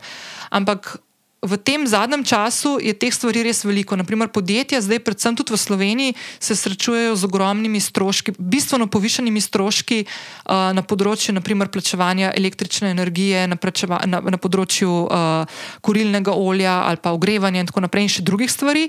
In to so stroški, ki jih, naprimer, lansko leto, ko so zaključovali leto in načrtovali leto 2022, nihče ni predvidel, ker tega ker nismo vedeli, da se bo to zgodilo. Nismo vedeli, da se bo zgodila vojna v Ukrajini, nismo vedeli, da se bo zgodila inflacija, nismo vedeli, da bo šla, da bo šla energetika uh, v višave in da bodo ti stroški eskalirali. Ne? In je ful pomembno, da se tudi v mirnih časih poskušamo čim bolj pripravljati na morebitne neke spremembe na trgu, ki nas lahko presenetijo, pa je fajn, da nas čim manj. Um, zdaj, kaj je denarni tok, pa kaj nam to pove? Zdaj, denarni tok je tisto, koliko podjetja smo prejeli v nekem določenem času in koliko smo ga porabili za poravnanje svojih obveznosti, oziroma za plačevanje tistih uh, računov, stroškov, ki jih pač imamo in jih imamo vsak mesec. In ko spremljamo svoj denarni tok, bdimo nad tem, da imamo zagotovljeno nemoteno poslovanje, ne? da je naša likvidnost ali pa plačilna sposobnost našega podjetja čim boljša. Um, zdaj, ena stvar, ki bom jaz vključila v zapis epizode in te vabim, da če, imaš, uh, če bi se rad, malo, rada malo poigrala s temi stvarmi, pa naprimer je denarni tok ena od stvari, ki bi jo rada malo bolj spremljala in uh, spoznavala. Ma NLB na svoji spletni strani full dober kalkulator za izračun denarnega toka, pa bom to polinkala v zapis, lahko češ tja, pa boš direktno, uh, direktno tja uh, prišla. Zdaj, ko zaključujemo uh, leto, ne, ko zaključujemo poslovno leto, um, moramo zelo paziti, da, se, um, da, da vemo točno, kdaj so roki, ki moramo kakšne dokumente oddajati na Finančni urad Republike Slovenije, na FURS. So zakonsko predpisani roki oddaj finančnih poročil. Zdaj, uh, samostojne podjetnice in podjetniki, ki smo normirani, ki imamo, imamo normirane odhodke, si lahko ti davčne obračune oziroma obračune za leto, ki se je steklo, oddamo sami. Um, in, in predložimo v bistvu na FUR samo davčni obračun. Nismo, nismo zavezani, ko daj letnih poročil na IPES. Naprimer, Lahko to naredimo samo inicijativno, ni pa to potrebno. Ne? Zdaj, če smo DOJ ali pa navadni SP-jevci, je stvar drugačna. To, te stvari moramo imeti pripravljene in moramo oddati uh, letno bilanco in izkaz poslovnega leta. Uh, Um, zdaj, kot sem jaz rekla, ne, jaz bom moji računovodki v začetku leta poslala zadnjo različico, uh, spravo, vse dokumente za decembr, in ona mi bo pripravila uh, obračun DDV za leto 2022, ki ga potem moram oddati do 31. marca 2023. Fino je, da ne oddajamo vsega zadnji dan, ker doskrat se zgodi, da kakšna stran krešne in tako naprej, tako da je fajn, da se mal prej to naredi.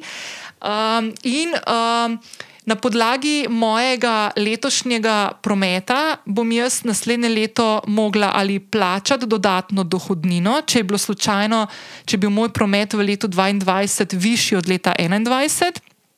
In na podlagi tega, če bo višji, bom mogla plačevati potem tudi akontacijo dohodnine, ki jo plačujem vsak mesec drugačen znesek, kot sem ga letos.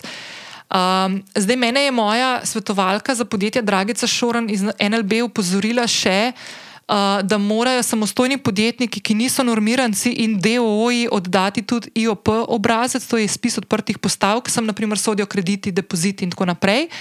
Uh, je pa ena fajn stvar, če ste slučajno, če med vami kakšen, ki je navaden SP ali pa DOO, pa da ste komitenti NLB-ja, lahko v elektronski banki NLB ProClick dobite že predizpolnjen obrazec, ki ga preverite.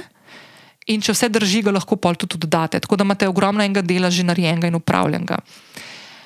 Um, zdaj, jaz, še ena stvar, ki se mi zdi tako ful pomembna in mal sodi tudi v ta del um, vestnega. Uh, bdenja nad poslovnimi financami, ki se ga nisem niti zavedala, da ga že počnem, je, da jaz od začetka svojega poslovanja uh, imam ful vedno uh, tako urejeno dokumentacijo na svojem računalniku. Jaz sem veliko govorila v epizodi, ko smo se pogovarjali o produktivnosti, kako pomembno je, da imamo shranjene uh, dokumente, ali zdaj digitalne ali pa fizične, na način, da jih čim hitreje najdemo in da ne zapravljamo svojega dragocenega časa z iskanjem nekih filev. Ne. Ena stvar, ki imam jaz zelo lepo urejeno in vedno pri sebi in pri roki, je, da imam za vseh 12 let, oziroma 11, za 12 še čakam naslednje leto, začetku leta, da dobim, imam shranjene te obračune DDV-ja. Uh, in vse dokumente, ki so povezane z mojim podjetjem, mo na mojem Dropboxu, tako da lahko dostopam do tega tudi na telefonu. Če sem, naprimer, pri moji bančni eh, svetovalki, lahko tam odprem kakšen file, pa ga na hitro pošljem, če potreba, in tako naprej. Uh, fizične dokumente v fasciklih, imam pa nekaj, imam spravljenih pri sebi jaz, precejšen del ga ima pa moja računovodkinja. Uh, zakaj je to pomembno? Prva točka, če gremo zelo na najbolj enostaven način, je zato, da prihranimo na času. Druga stvar je zato, da imamo miren span, ker imamo urejene dokumentacije, če slučajno pride kakšna inšpekcija, kdaj, da točno vemo, kje imamo stvari in lahko to pokažemo in potegnemo ven. In tretja stvar, ki se mi zdi blazno pomembna, je, da naprimer, če se znajdemo v situaciji, ko se moramo z banko pogovarjati o nekih dodatnih virih financiranja. In bodo to prve stvari, ki nas bodo vprašali, da moramo imeti pri sebi. Tako da je to vedno dobro imeti seboj oziroma pri roki. Še ena stvar, ki se mi zdi blazno pomembna, da jo tukaj na tem mestu omenim, je, da s 1. januarjem 2023 vel, začne veljati nov zakon o dohodnini, ki bo kar konkretno uh, spremenil način poslovanja za normirane samostojne podjetnice in podjetnike. Zdaj, jaz konkretno ne bom šla v razlago tega novega zakona oziroma sprememb, ki jih prinaša. Se bom pa tega lotila definitivno v začetku leta s kakšnim sogovornikom, ki se malo bolj spozna na te stvari. Lahko pa eno stvar povem, no, in to je del tega, uh, kar se hočem zdaj le osredotočiti, preden greva potem na upravljanje in vodenje osebnih financ. Um, ko načrtujem naslednje leto, uh, zdaj prvič, ko sem rekla, da se tega loteva malo bolj konkretno, sem delala s Kajo simulacije naslednjega leta na podlagi višine prihodka, ki ga načrtujem. Zdaj, zakaj sem jaz to začela delati? Zato, ker sem se najprej ustrašila teh novih, uh, nove, tega novega zakona in kako bo posegel v moje delovanje. Pa sem se pa malo umirila, ker stvari niso tako drastične in grozne, kot so mogoče na začetku zvenele, ampak so pa spremembe in sprememb načeloma ne maramo. In smo se skajo um, v navednicah mali igrali z, z tem, kdaj se meni zgodi neka točka preloma, ko se mi bo, na primer, bolj v navednicah splačalo uh, biti vem, navaden SP na mesto normiranega SP-ja ali pa DOO. Tako da to, na primer, smo s Kajo začeli delati enkrat v novembra in takrat smo v to načrtovanje oziroma te simulacije vključili tudi moj uh, trenutni. Um, Moje trenutno situacijo v letu 2022 na ravni prihodka. Zakaj? Ker sem prej, na primer, omenila, da ko bom oddajala obračun DDV-ja za leto 2022, bom, bom videla tudi, koliko moram doplačati ali bom dobila vrnjeno, preplačeno dohodnino in kakšna bo moja mesečna. Kakšen bo moj mesečni znesek za akontacijo dohodnine um, v, v letu 2023, ker je to pomemben strošek, ki ga moram načrtovati v naslednjem letu. Ne? Zdaj se bomo malo premaknili v načrtovanje leta in na to stroškovno raven, pa bomo šli pa še malo na prihodkovno. Uh, mi dve skajo sva, glede na to, kaj, uh, mam, kakšno imam realizacijo predvideno do konca leta 2022, ugotovili, da bom naslednje leto mogla plačati uh, dodatno, ker sem uh, zaslužila več kot leto prej. Se pravi, da bom mogla dodatno doplačati dohodnino naslednje leto in tudi točno vem, koliko bom mogla plačati.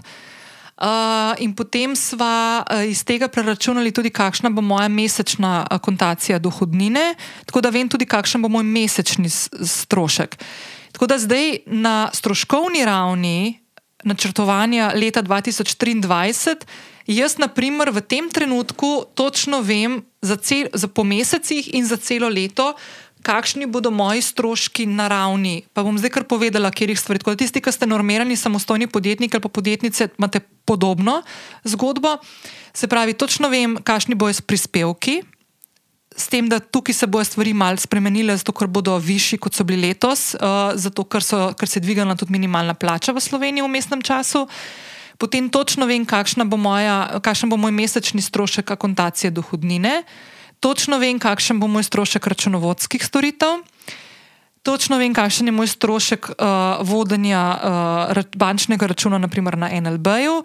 Točno vem, kakšen je moj strošek uh, luke, ki mi pošilja račune za editiranje podcasta, pa potem vse ostale stvari, ki jih, račun, ki jih, ki jih dam na firmo. To so naprimer Dropboxi, pa uh, Zencaster, ki je aplikacija oziroma spletna stran, prek katere snemam podcaste nadaljavo. Točno vem, koliko me stane, naprimer aplikacija, ki jo imam priklopljeno na spletno trgovino in prek katere se izdajajo računi vsakemu od vas, ki naprimer kupi kakšen izdelek v moji spletni trgovini. Potem točno vem, uh, fiksen znesek, ki ga plačam vsak mesec za spletno stran, ki jo imam postavljeno na Shopifyju in tako naprej. Tako da te stroške imam jaz že zelo jasno definirane in vključene v načrt za leto 2023, tako da na stroškovni ravni na podjetju točno vem, uh, kaj me čaka. So določene stvari, ki so še odprte, ker kot sem omenila prej, se lotevam kar nekaj novih idej, uh, po, po, poslovnih idej v letu 2023 in nekatere še nimam ovrednotene na stroškovni ravni, tako da moram te stvari še urediti in, in jih pripraviti. Um, zdaj, ena stvar, ki bom jaz bila zelo previdna ko bom zdaj v naslednjih dveh tednih, uh, med prazniki, predvsem, ko bom mir, uh, načrtovala novo poslovno leto. In je to ena stvar, ki mi je tudi Dragica uh, omenila in posebej upozorila, da se te stvari doskrat zgodijo uh, podjetnikom in podjetnicam. To je, da, da smo čim bolj realni uh, pri načrtovanju in pri, pri postavljanju ciljev, uh, in da je razkorak med našimi željami ali pa cilji, ne, ki si jih postavimo, in možno realizacijo čim manjši. Zdaj, to je, to je pomembno iz večjih razlogov. Ne. Prvi razlog, če gledamo samo finančnega, eh, mislim, samo, če gledamo finančnega, je, da so lahko napačne ocene zelo boleče. Ne. Zdaj, ena stvar, ki sem jaz pol z Dragico govorila, ki mi je to razlagala, um, pa tudi s kakšnimi primeri se srečuje, je v bistvu se mi se mi je um, ena, ena, ena misel pripeljala in se rekam, ampak Dragica, SP-jevci, ki smo, naprimer, tako kot sem jaz, ki delamo sami, normirani SP-jevci, pa to, ki imamo mogoče manj stroškov, oziroma jih praktično imamo zelo malo, no, zato se nam splača biti normiranci. Uh, smo v bistvu ful bolj fleksibilni na tem področju. Ne? Se pravi, da se lahko hitreje obrnemo kot naprimer neko podjetje, ki ima um, veliko zaposlenih, ki ima ogromno enih. Um, uh, poti prihodka in ogromno stroškov tudi na drugi, na drugi strani, ki so naprimer v letošnjem letu, kot sem prej omenila, zelo zarezali tudi v, v realnost podjetij, ker so se stvari nepričakovano uh, dramatično zvišale na stroškovni ravni. Ne. In je to res. Ne. Tako da uh, samostojne podjetnice uh, in podjetniki imamo tukaj eno, eno zelo, zelo, zelo fajn možnost, da te stvari uh, se hitreje prilagajamo. Po drugi strani je pa tudi na ravni, psihološki ravni, um, ko si postavljamo cilje, pomembno, da si postavimo take cilje, ki so dosegljivi. Zakaj? Zato, ker če si bomo postavili cilje, ki so nedosegljivi, se bo hitro zgodilo, da bomo naslednje leto, ko bomo ugotovili, da ciljev nismo dosegli, enostavno rekli: eh, to se meni splača, itak ne bom dosegla teh ciljev in bomo obupali nad to, nad to rutino, ki je pa blazno pomembna, zato da se pomikamo ne gre samo to, mislim, gre tudi seveda za to, da rastemo kot podjetnice in podjetniki, ampak predvsem za to, da ustvarjamo neke stvari, da smo, uh, da smo proaktivni, da se, da se premikamo po poti napredka, s kakršno koli hitrostjo nam, nam to ustreza. Um, in da se v bistvu. Um, da, da smo umirjeni pri tem, ne? da nimamo zdaj, ne vem, naslednje leto, pa ne vem, letošnje leto sem naredila 50 tisoč eh, evrov prometa, naslednje leto hočem pa 300 tisoč. Ne? ne vem, mogoče bi bilo fajn, kakšno leto vmes nekje v mestu postavci. Ne? Jaz sem vam zdaj povedala čisto na mojem primeru. Um, jaz sem si za letošnje leto postavila zelo ambiciozne cilje. Pro, govorim zdaj o finančnih ciljih, o prometu. Um, in so v bistvu nedosegljivi bili za me letos, čeprav mi je šlo dobro in, in sem imela bolj uspešno finančno leto od prejšnjega. Uh, in sem blazno ponosna, da sem presegla leto 2021, zato ker sem vmes spremenila popolnoma svoj poslovni model in sem izredno ponosna, da mi je to uspelo, da mi je to konstantno uspelo držati. Ker sem se zavedala, kaj me čaka, sem lansko leto postavila ambiciozne načrte zavedajoč se, da verjetno jih bo težko doseči. Zato sem s tem, ko danes gledam v to moje tabelico v Excelu, zdaj le, tole govorim v mikrofon, umirjena in nisem slabe volje, ker jih nisem dosegla, ker sem si postavila res ambiciozen načrt. Lahko pa povem, da ravno zaradi stvari, ki sem jih v letošnjem letu delala, tudi na področju razumevanja, vodenja in upravljanja financ na poslovnem in osebnem nivoju, sem pa za naslednje leto si postavila nekoliko višji cilj, kot sem ga imela za letos, ki ga nisem dosegla. In se mi zdi, da je cilj realen in da je dosegljiv. Um, zavedajoč se, seveda, da lahko konec naslednjega leta vidim, da mogoče sem, sem, sem šla mal preveč. Ampak ne govorimo o takih spremembah in takmu razkoraku, ki je nerealen. To se mi zdi res, res zelo pomembno in ena taka stvar, ki znaš hitro padati v nek tak vortex, uh, ko, ko imaš neko obdobje, ki je dobro in ko imaš obdobje neke konstantne rasti, da, da, avtomatično, um, da avtomatično potem uh, načrtuješ več, več in več za prihajajoče obdobje. Um, meni je blazno pomembno, da imam občutek, da se premikam naprej, ne samo kar se številk tiče, ampak tudi kar se znanja, novih spoznanj, uh, novih priložnosti in izzivov, ki se mi odpirajo. Se mi zdi, da ta del mo mi je mogoče še malce bolj pomemben no, od financ. In jaz sem res neskončno hvaležna sebi, da sem v letošnjem letu, ki se izteka, si dovolila odpirati in. Um, Razumeti področje poslovnih in osebnih financ, in da sem na tem delu, kar se tiče upravljanja denarja, res stvari postavlja tako. Na neke bolj zdrave temelje, in da to razumem in znam upravljati. In to je ena taka stvar, ki bi vam res ful svetovala, da če ste podjetnici ali pa podjetniki, ali pa če imate samo, da ste zaposleni, pa imate svoje osebne finance, ki jih morate upravljati. Pa bom zdaj to v nadaljevanju tudi povedala, kako sem se iz tega skaja lotila v letošnjem letu in kaj načrtujem v naslednjem letu. To pride zdaj uh, čez par sekund. Uh, se mi zdi res, res ful pomembno, da, da te stvari spoznate čim prej. Jaz bi si to res želela že prej. Tako da, ok, to je to, zdaj pa mislim, da je čas, da skočimo še v upravljanje osebnih financ. Ok, zdaj uh, jaz zadnja leta, po mamenih zadnjih pet let, si za vsako novo leto pripravim uh, eno tako Excel tabelico, čisto enostavno, samo en list je, na njej ni, ni več teh šitev. In imam v bistvu na enem mestu uh, naslednje stvari, ki jih spremljam. In mi to ful, ful pomaga, zato da vem, kje se nahajam in da imam nenehno občutek, da, da vem, kaj me čaka, in kar se tiče plačila, naprimer DDV-ja, in uh, kje se nahajajo računi, kje se nahajajo ponudbe, in tako naprej. Jaz sem tako zelo enostaven pregled narejen v petih fazah in sicer imam tako tabelice. Prva tabelica je, da imam napisane noter vse izdane račune z zaporednimi številkami. Tako da vedno vem, naslednji račun, ki ga moramo pisati, točno in zaporedno številko, da se mi slučajno polno zgodi, da imam vem, čez dva meseca mene računovodke ne opozorijo in na tle imaš pa dva računa pod številko 25 naporedno. Naprimer. Tako da to, že to, da se ta glavobole znebimo, kako je en kup enega obveščanja, treba in urejanja na več straneh, če pride do take napake.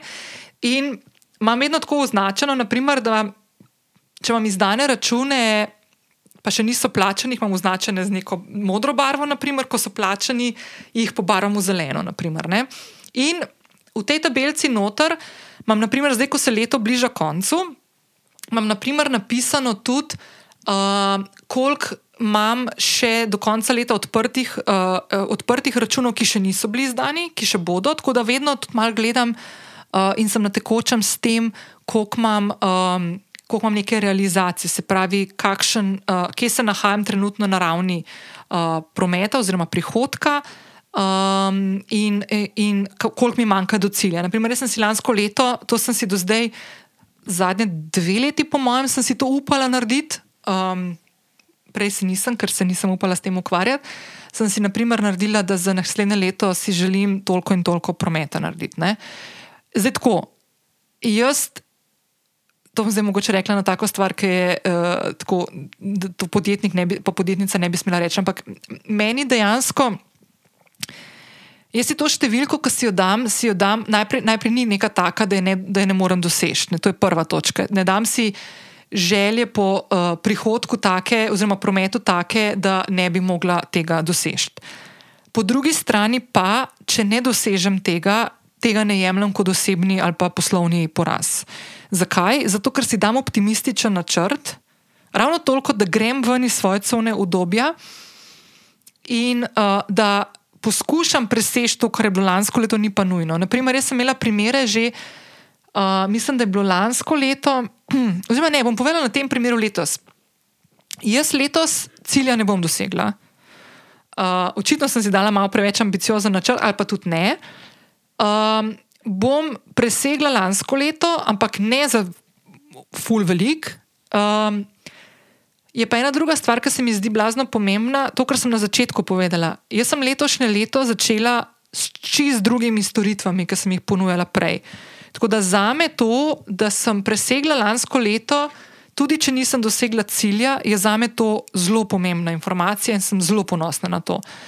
Um, tako da se mi zdi to ena taka zelo pomembna stvar, da poskušamo biti. Um, re, prvič realni, drugič pa tudi prijazni do sebe. Ne? Uh, da ne gremo v to, kar je tudi Dragica meni rekla, da ne gremo v cilje, ki so nedosegljivi. In da gremo v dovolj ambiciozne cilje, da nas potisnejo sicer iz neke cone obdobja v rast, ampak da ta razkorak med ciljem in možnostjo, ki jo lahko dosegamo, ni tako prevelik. In pri meni, na primer, ta razkorak ni tako velik, da bi to jemala, če nisem dosegla kot poraz. Tako. Zato je ta prvi del Excel tabelce. Ne? Se pravi, da jaz vidim izdane račune, promet in tako naprej. In tukaj zraven pišem takoj noter tudi um, promet v spletni trgovini, tako da imam pol skupen promet na koncu. Uh, in zraven se mi preračunava, koliko bo mogla DDV-ja vplačati vsake tri mesece. Zato, ki vsi, ki plačujete DDV, veste, da si tukaj lahko DDV osnovo tudi nižaš, s tem, ko imaš izdane račune na, na podjetje. Tako da jaz imam tukaj DDV, ki se mi vedno obračunava, se pravi ta največ. Največ, koliko bom, bom mogla plačati vsake tri mesece, ampak definitivno bom manj, ker imam tudi stroške podjetja. Ampak samo to, da imam nekako pogled v to, koliko je dobro imeti na strani, oziroma koliko denarja moram imeti vsak, uh, vsak konec tri, tri mesece, ko moram od, uh, uh, plačati uh, DDV uh, Fursu. Pol naslednji del zavihka je spletna trgovina in si po mesecih noter pišem, koliko je bilo, um, koliko je bilo prometa. In točno vem, kje mesti so bili dobri, kje niso bili, zakaj niso bili in tako naprej. In za naslednje leto, naprimer, imam načrt, da, me, da, da, da imam kampanje pripravljene za vsak mesec, da bom bistveno več delala na vsebinah, kot sem zdaj in tako naprej. Tako da je še ta stvar, ki se mi zdi tudi blazno pomembna. Potem imam ta tretjo tabelico zraven spletne trgovine imam. Um, Ko pripravim, naprimer, jaz, ko dobim povpraševanje, ali pa naprimer, ko samo inicijativno pošljem odgovor ali pa ponudbo, um, dam v to tabelico ponudbe, ki so bile potrjene. Se pravi, da vem, kakšna realizacija na ravni mojih storitev, ne spletne trgovine, ampak na mojih storitev, je v določenem trenutku. Imam naprimer napisane noter, če imamo v začetku leta dogovorjeno, da bo imela. Uh, vem, s, tem, s tem podjetjem imam dogovorjeno tak znesek, s tem podjetjem imam tak znesek, te stvari si vse notri vnesem. To so tiste stvari, tiste ponudbe oziroma sodelovanja, ki so potrjena. Potem imam v četrti tabelci odprte ponudbe, se pravi, to so ponudbe, ki sem jih poslala, pa niso bile potrjene še, ali pa so še v fazi uh, potrjevanja, so odprte. In v zadnjem tabelci, v peti tabelci, imam nepotrjene ponudbe. Spravi, tisto, kar je bilo poslano, pa je bilo. Največ primerov takih, da ali je bilo uh, z veseljem, ampak si ne moremo tega privoščiti, ali pa naprimer, uh, smo, smo naprimer, korigirali ponudbo, pa je, bila, pa je bila z drugačnim zneskom, pa sem potem tisti znesek prenesla med potrjene ponudbe. In tiste stvari, ki nažalost je tudi nekaj takih, ki nikoli nisem dobila odgovora, pol več nazaj na njih. To jih je, to lahko rečem, da za leto 2022 so to trije primeri. Ne? Oziroma, ne, lažem, dva primera. Dva primera Tako da, evo, to je ena taka stvar, ki se mi zdi vedno full fine imeti pri roki, ki jaz tukaj vidim, da je naj, najboljša dodana vrednost te um, tabelce je ta, da točno vem, kaj se dogaja na ravni računov, kje se nahajam zaporedne številke. To je ful pomembno. Če ne drugega, tukaj ful na času prohranim, preden jaz pa imam zelo lepo strukturirane svoje dokumente po mapcah na, na računalniku, na Dropboxu. To smo se ful pogovarjali uh, v tistih delih, ko smo se pogovarjali o produktivnosti, učinkovitosti, kako si je treba tudi dokumente lepo tako strukturirano shranjevati, zato da točno veš, kje kaj najdeš. Ampak ne glede na to, še lažje v tem primeru, da jaz najdem, naprimer, aha, jutri moram izdati en račun, kje je zaporedna številka, je že zdaj to, točno vem, kje račun je bil na zadnje izdan in naslednji je odprt in lahko to številko zabeležim. In zabeležim potem v prvo tabelico, ta račun gre v izdajo, obarvam z modro in ko plačam ga, obarvam zeleno. To je ena stvar, ki mi je ful pomembna in iz tega ven potem tudi, koliko imam trenutno realizacijo, kadarkoli v letu da spremljam, in druga stvar je, da se mi šteje in obračunava v DDV, zato da vem vsake tri mesece, koliko bom mogla plačati. In to je neka taka zadeva, ki se mi zdi ful zlata vredna in, in tako zelo taka enostavna, uh, lajično pripravljena, ampak meni to tako ful funkcionira. Um, zdaj um, na osebni ravni. Ne?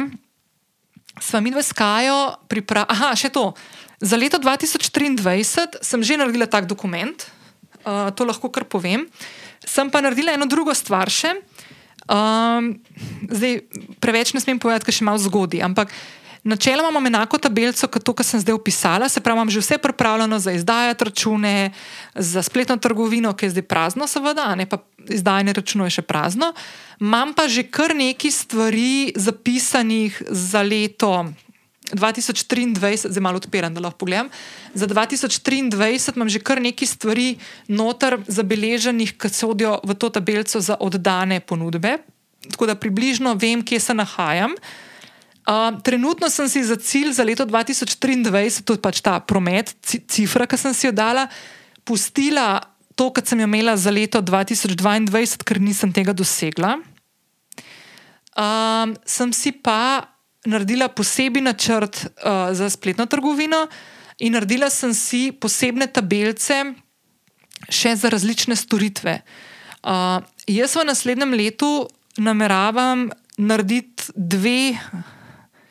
Dve, oziroma mogoče opcijsko tri dodatne vire prihodka in bi rada vodila nekakšen pregled, ne samo ta skupen, ampak tudi po različnih segmentih, se pravi po različnih kategorijah storitev. Uh, tako kot sem zdaj samo naprimer, te storitve, pa spletno trgovino ločila, bom zdaj še svoje storitve ločila na par različnih delov. Uh, in bom to vodila skupaj, zato da pol vidim, kje je tista stvar, ki je najbolj, uh, kako bi rekla, ne bom rekla, dobičkonosna, ker to bom videla pol na koncu, če je dobičkonosna, ampak kje so tiste najmočnejše kategorije uh, konec leta 2023, zato da bom vedela, kam usmerjati svojo pozornost potem tudi v prihajajočih letih. Zdaj, um, na ravni osebnih financ, mi smo s Kajo zelo veliko govorili o tem v 139. epizodi podcasta. Ki je mimo grede na najbolj poslušanih epizod, in bo Kaja definitivno prišla uh, nazaj v podcast gostovati ker se bi rada z njo lotila tistih stvari, ki smo jih potem naredili, potem, ko smo posneli pogovor prvi. Um, mi dve sva v letošnjem letu se na osebni ravni najbolj, uh, mislim, jaz sem se no, po njenih navodilih najbolj osredotočila na stroške. Prej sem omenila eno stvar, ki se mi zdi ful pomembna. Jaz sem ugotovila, kako lahko z enakim uh, z enako višino plače, ki si jo dam na, na privat račun vsak začetek meseca, naprimer, um, kako lahko skozi mesec pridem na način, da mi bo ostalo več, da bom dala lahko na vrčevalni račun, če, če lahko po domač povem. Kaj to pomeni? Ne? Prej sem omenjala to, da sem si želela v letu 2020, 2021 in prej začeti vrčevati in da bi začela vrčevati uh, 10 odstotkov svojega prihodka, celot, celotnega pravi, prihodka podjetja, da bi dala v vrčevalni račun. Na vrčevalni račun. Jaz sem da ful disciplinirana leta 2021 in mi je to ful ratavalo, priznam. Pa se je pa zgodilo to, da sem imela en zamik plačila, da mi ena naročnica ni hotela plačati računa, da sem imela neke komplikacije in se mi je malo stvar podrla. In sem pač porabljati z denar, ki sem si ga dal na vrčevalni račun. Ampak lahko zdaj povem, ne, to mi je ful pomembna stvar, mm, da jaz lahko danes rečem, da sem, to smo skaj zadnjič preračunavali, da sem od avgusta do novembra na vrčevalni račun dala 33 odstotkov svoje plače. Ne, zaslu, 33 odstotkov zasluženega denarja. Ne. Zdaj, ena ful pomembna stvar je tle, kaj moram povedati, pa biti iskrena, da velik del tega je bil tudi um, en, eno izplačilo, ki sem ga naredila, ko sem prodala avto. Ampak, kljub vsemu, tudi če to odbijem stran, sem jaz v letošnjem letu, v štirih mesecih, dala na stran procentualno gledano bistveno več, kot če bi dala 10% prometa kot sem si zadala na začetku. To je, ta, to je ta switch, ki sem ga naredila in se mi zdi ful pomemben. In najbolj pomembna stvar v bistvu no, je ta, da, da sem z istim, z, z istim obsegom denarja vsak mesec zmožna dajati na stran. Na vrčevalni račun več, kot sem prej, če bi delala tako, da najprej 10 odstotkov vzamem iz tega, kar sem dobila plačila na poslovni račun. Uh, tako da to je ena ključna stvar, ki sem jo naredila. Jaz sem bila zelo osredotočena, zdaj le, da sem videla, kje, kam mi gre denar, uh, ne kam mi odteka, ampak kje, kje ga, kje, zakaj največ denarja porabim. Naredila sem si kategorije. Naredila sem si potem iz teh kategorij, naprimer kategorije stanovanja, hrana, prevoz, prihranki, uh, oblačila, subskripšni, uh, družabno življenje, potovanja, knjige, zavarovanja in tako naprej. To so te kategorije. Pa sem pa iz teh kategorij naredila tri kategorije, oziroma štiri, nujne in fiksne stroške, ne nujne stroške, vrčevanje pa investiranje. In s Kajo smo v bistvu pripravili, da glede na to, kakšno plačo si izplačujem in kakšne stroške imam, koliko bi lahko vsak mesec dala na vrčevalni račun in koliko bi da lahko dajala na invest, na, v investiranje. Ena ključna stvar, ki jo želim tukaj še izpostaviti, poleg tega, da je vsak mesec približno tam enak, enaka višina plače, ki si jo izplačujem, Ful pomembna stvar je, da jaz ob vsem tem, kar vam zdaj govorim, nimam nobenega občutka restrikcij, nimam občutka, da si kakršno koli stvar omejujem, v bistvu je nasprotno. Ful je nasprotno. Jaz imam totalen občutek opolnomočenja in tega, da vem, kako stvari funkcionirajo, kje se nahajam in kje, in kje sem. Kje, kje se nahajam in kam hočem iti. Mi dve skajo sva zelo hitro oziroma zelo hiter je malo relativno, zato ker se ful počasi greva čez te stvari, ker ful veliko lepetava še zraven. Ampak v bistvu smo si s Kajo naredili in postavili dolgoročne cilje moje, to sem že preomenila, stanovanje, vrčevanje za prihodnost, pa investiranje. Uh, naredili smo iz tega finančni načrt uh, za naslednje leto. Po kategorijah jaz točno vem, naprimer, koliko, uh, na, približno koliko na leto bom dala za hrano, koliko bi bilo fajn dajati za potovanje, zato da bi lahko skozi leto že na stran dajala. Um, postavljajo se tako zelo zdrave navade upravljanja z denarjem, ki mi ful služijo. Ker se v bistvu tako na, prvi, na prvo žogo ne razlikujejo zelo veliko od tistega, um, od tistega dela, ki sem ga jaz včasih delala v Excel tabelcah, ki sem ga že omenjala, pa pol sem v bistvu postala žrtev tega. Sem, vedno, sem bila vedno bolj v krču finančnem. Tle mi je tako bistveno bolj pregledno, ampak najbolj pomembna stvar, ki se je dejansko zgodila, je ta, da sem res naredila razmejitev med podjetjem in mano. Kar je zadeva, s katero imamo samostojne podjetnice in podjetniki, ful težave. Um, tako da jaz sem v bistvu v letošnjem letu, no, če naredim en tak recap, ful zadovoljna in hvaležna, kaj da me je naučila zelo veliko modrosti upravljanja osebnih financ, uh, ker sem zaradi tega ful bolj umirjena. Um, ful bolj se mi zdijo dosegljive določene stvari in cilji, ki sem si jih postavila. Um, in vem, ma, tako imam občutek, da imam narisano pot, kako prideti do, do tja.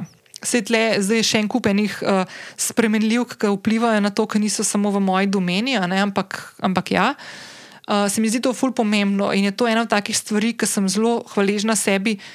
če ne drugega, tudi to, da sem spregovorila o teh svojih um, omejitvenih prepričanjih, um, strahovih in slabem odnosu do denarja, ker zaradi tega se je Kaja pripeljala v moje življenje.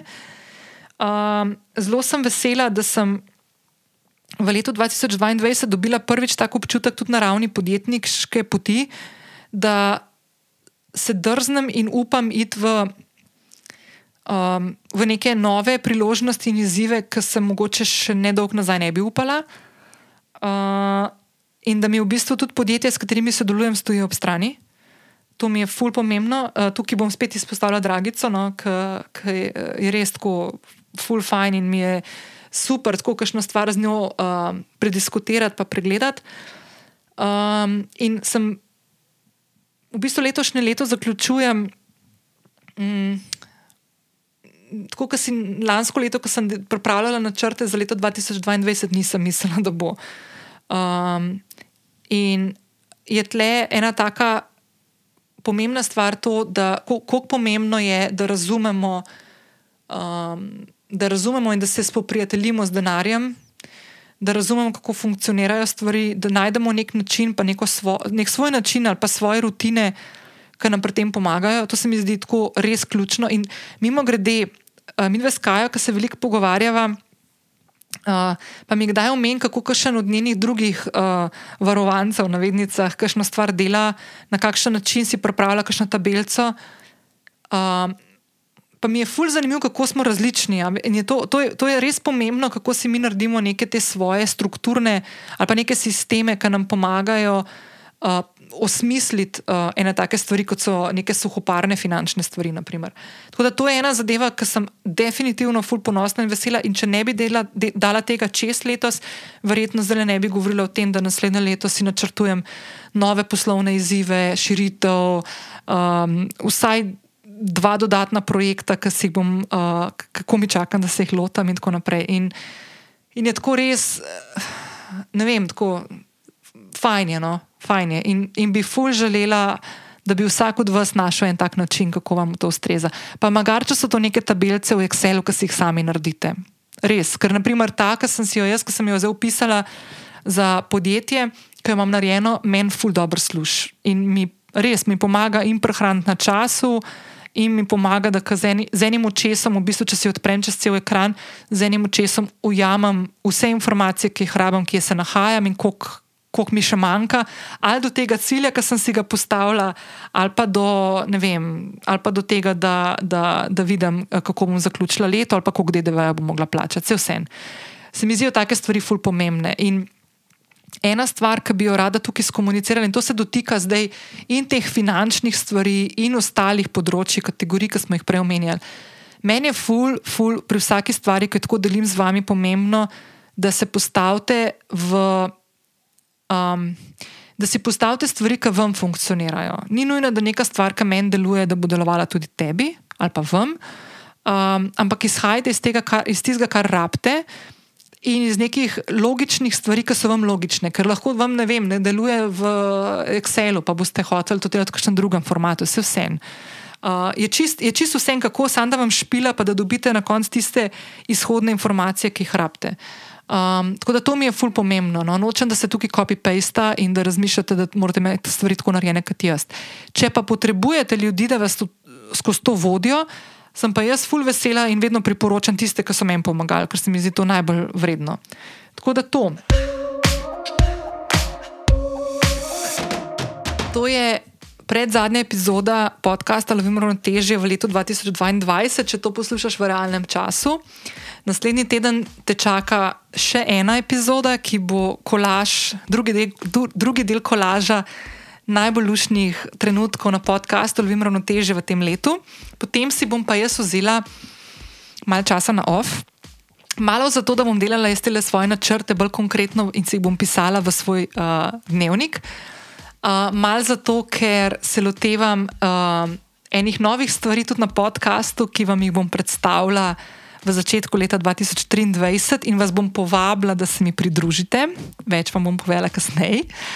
Um, bom pa še enkrat omenila, če želiš konkretneje ugrizniti v to, da zapiraš leto 2022 in odpiraš leto 2023 uh, svojim ciljem in načrtom, da do uh, 23.12. lahko jameš uh, vodič in delovni zvezek postavljanja ciljev 2023 po skoraj 30-odstotnem znižanju in sicer samo za 21,90 evra na moji spletni trgovini.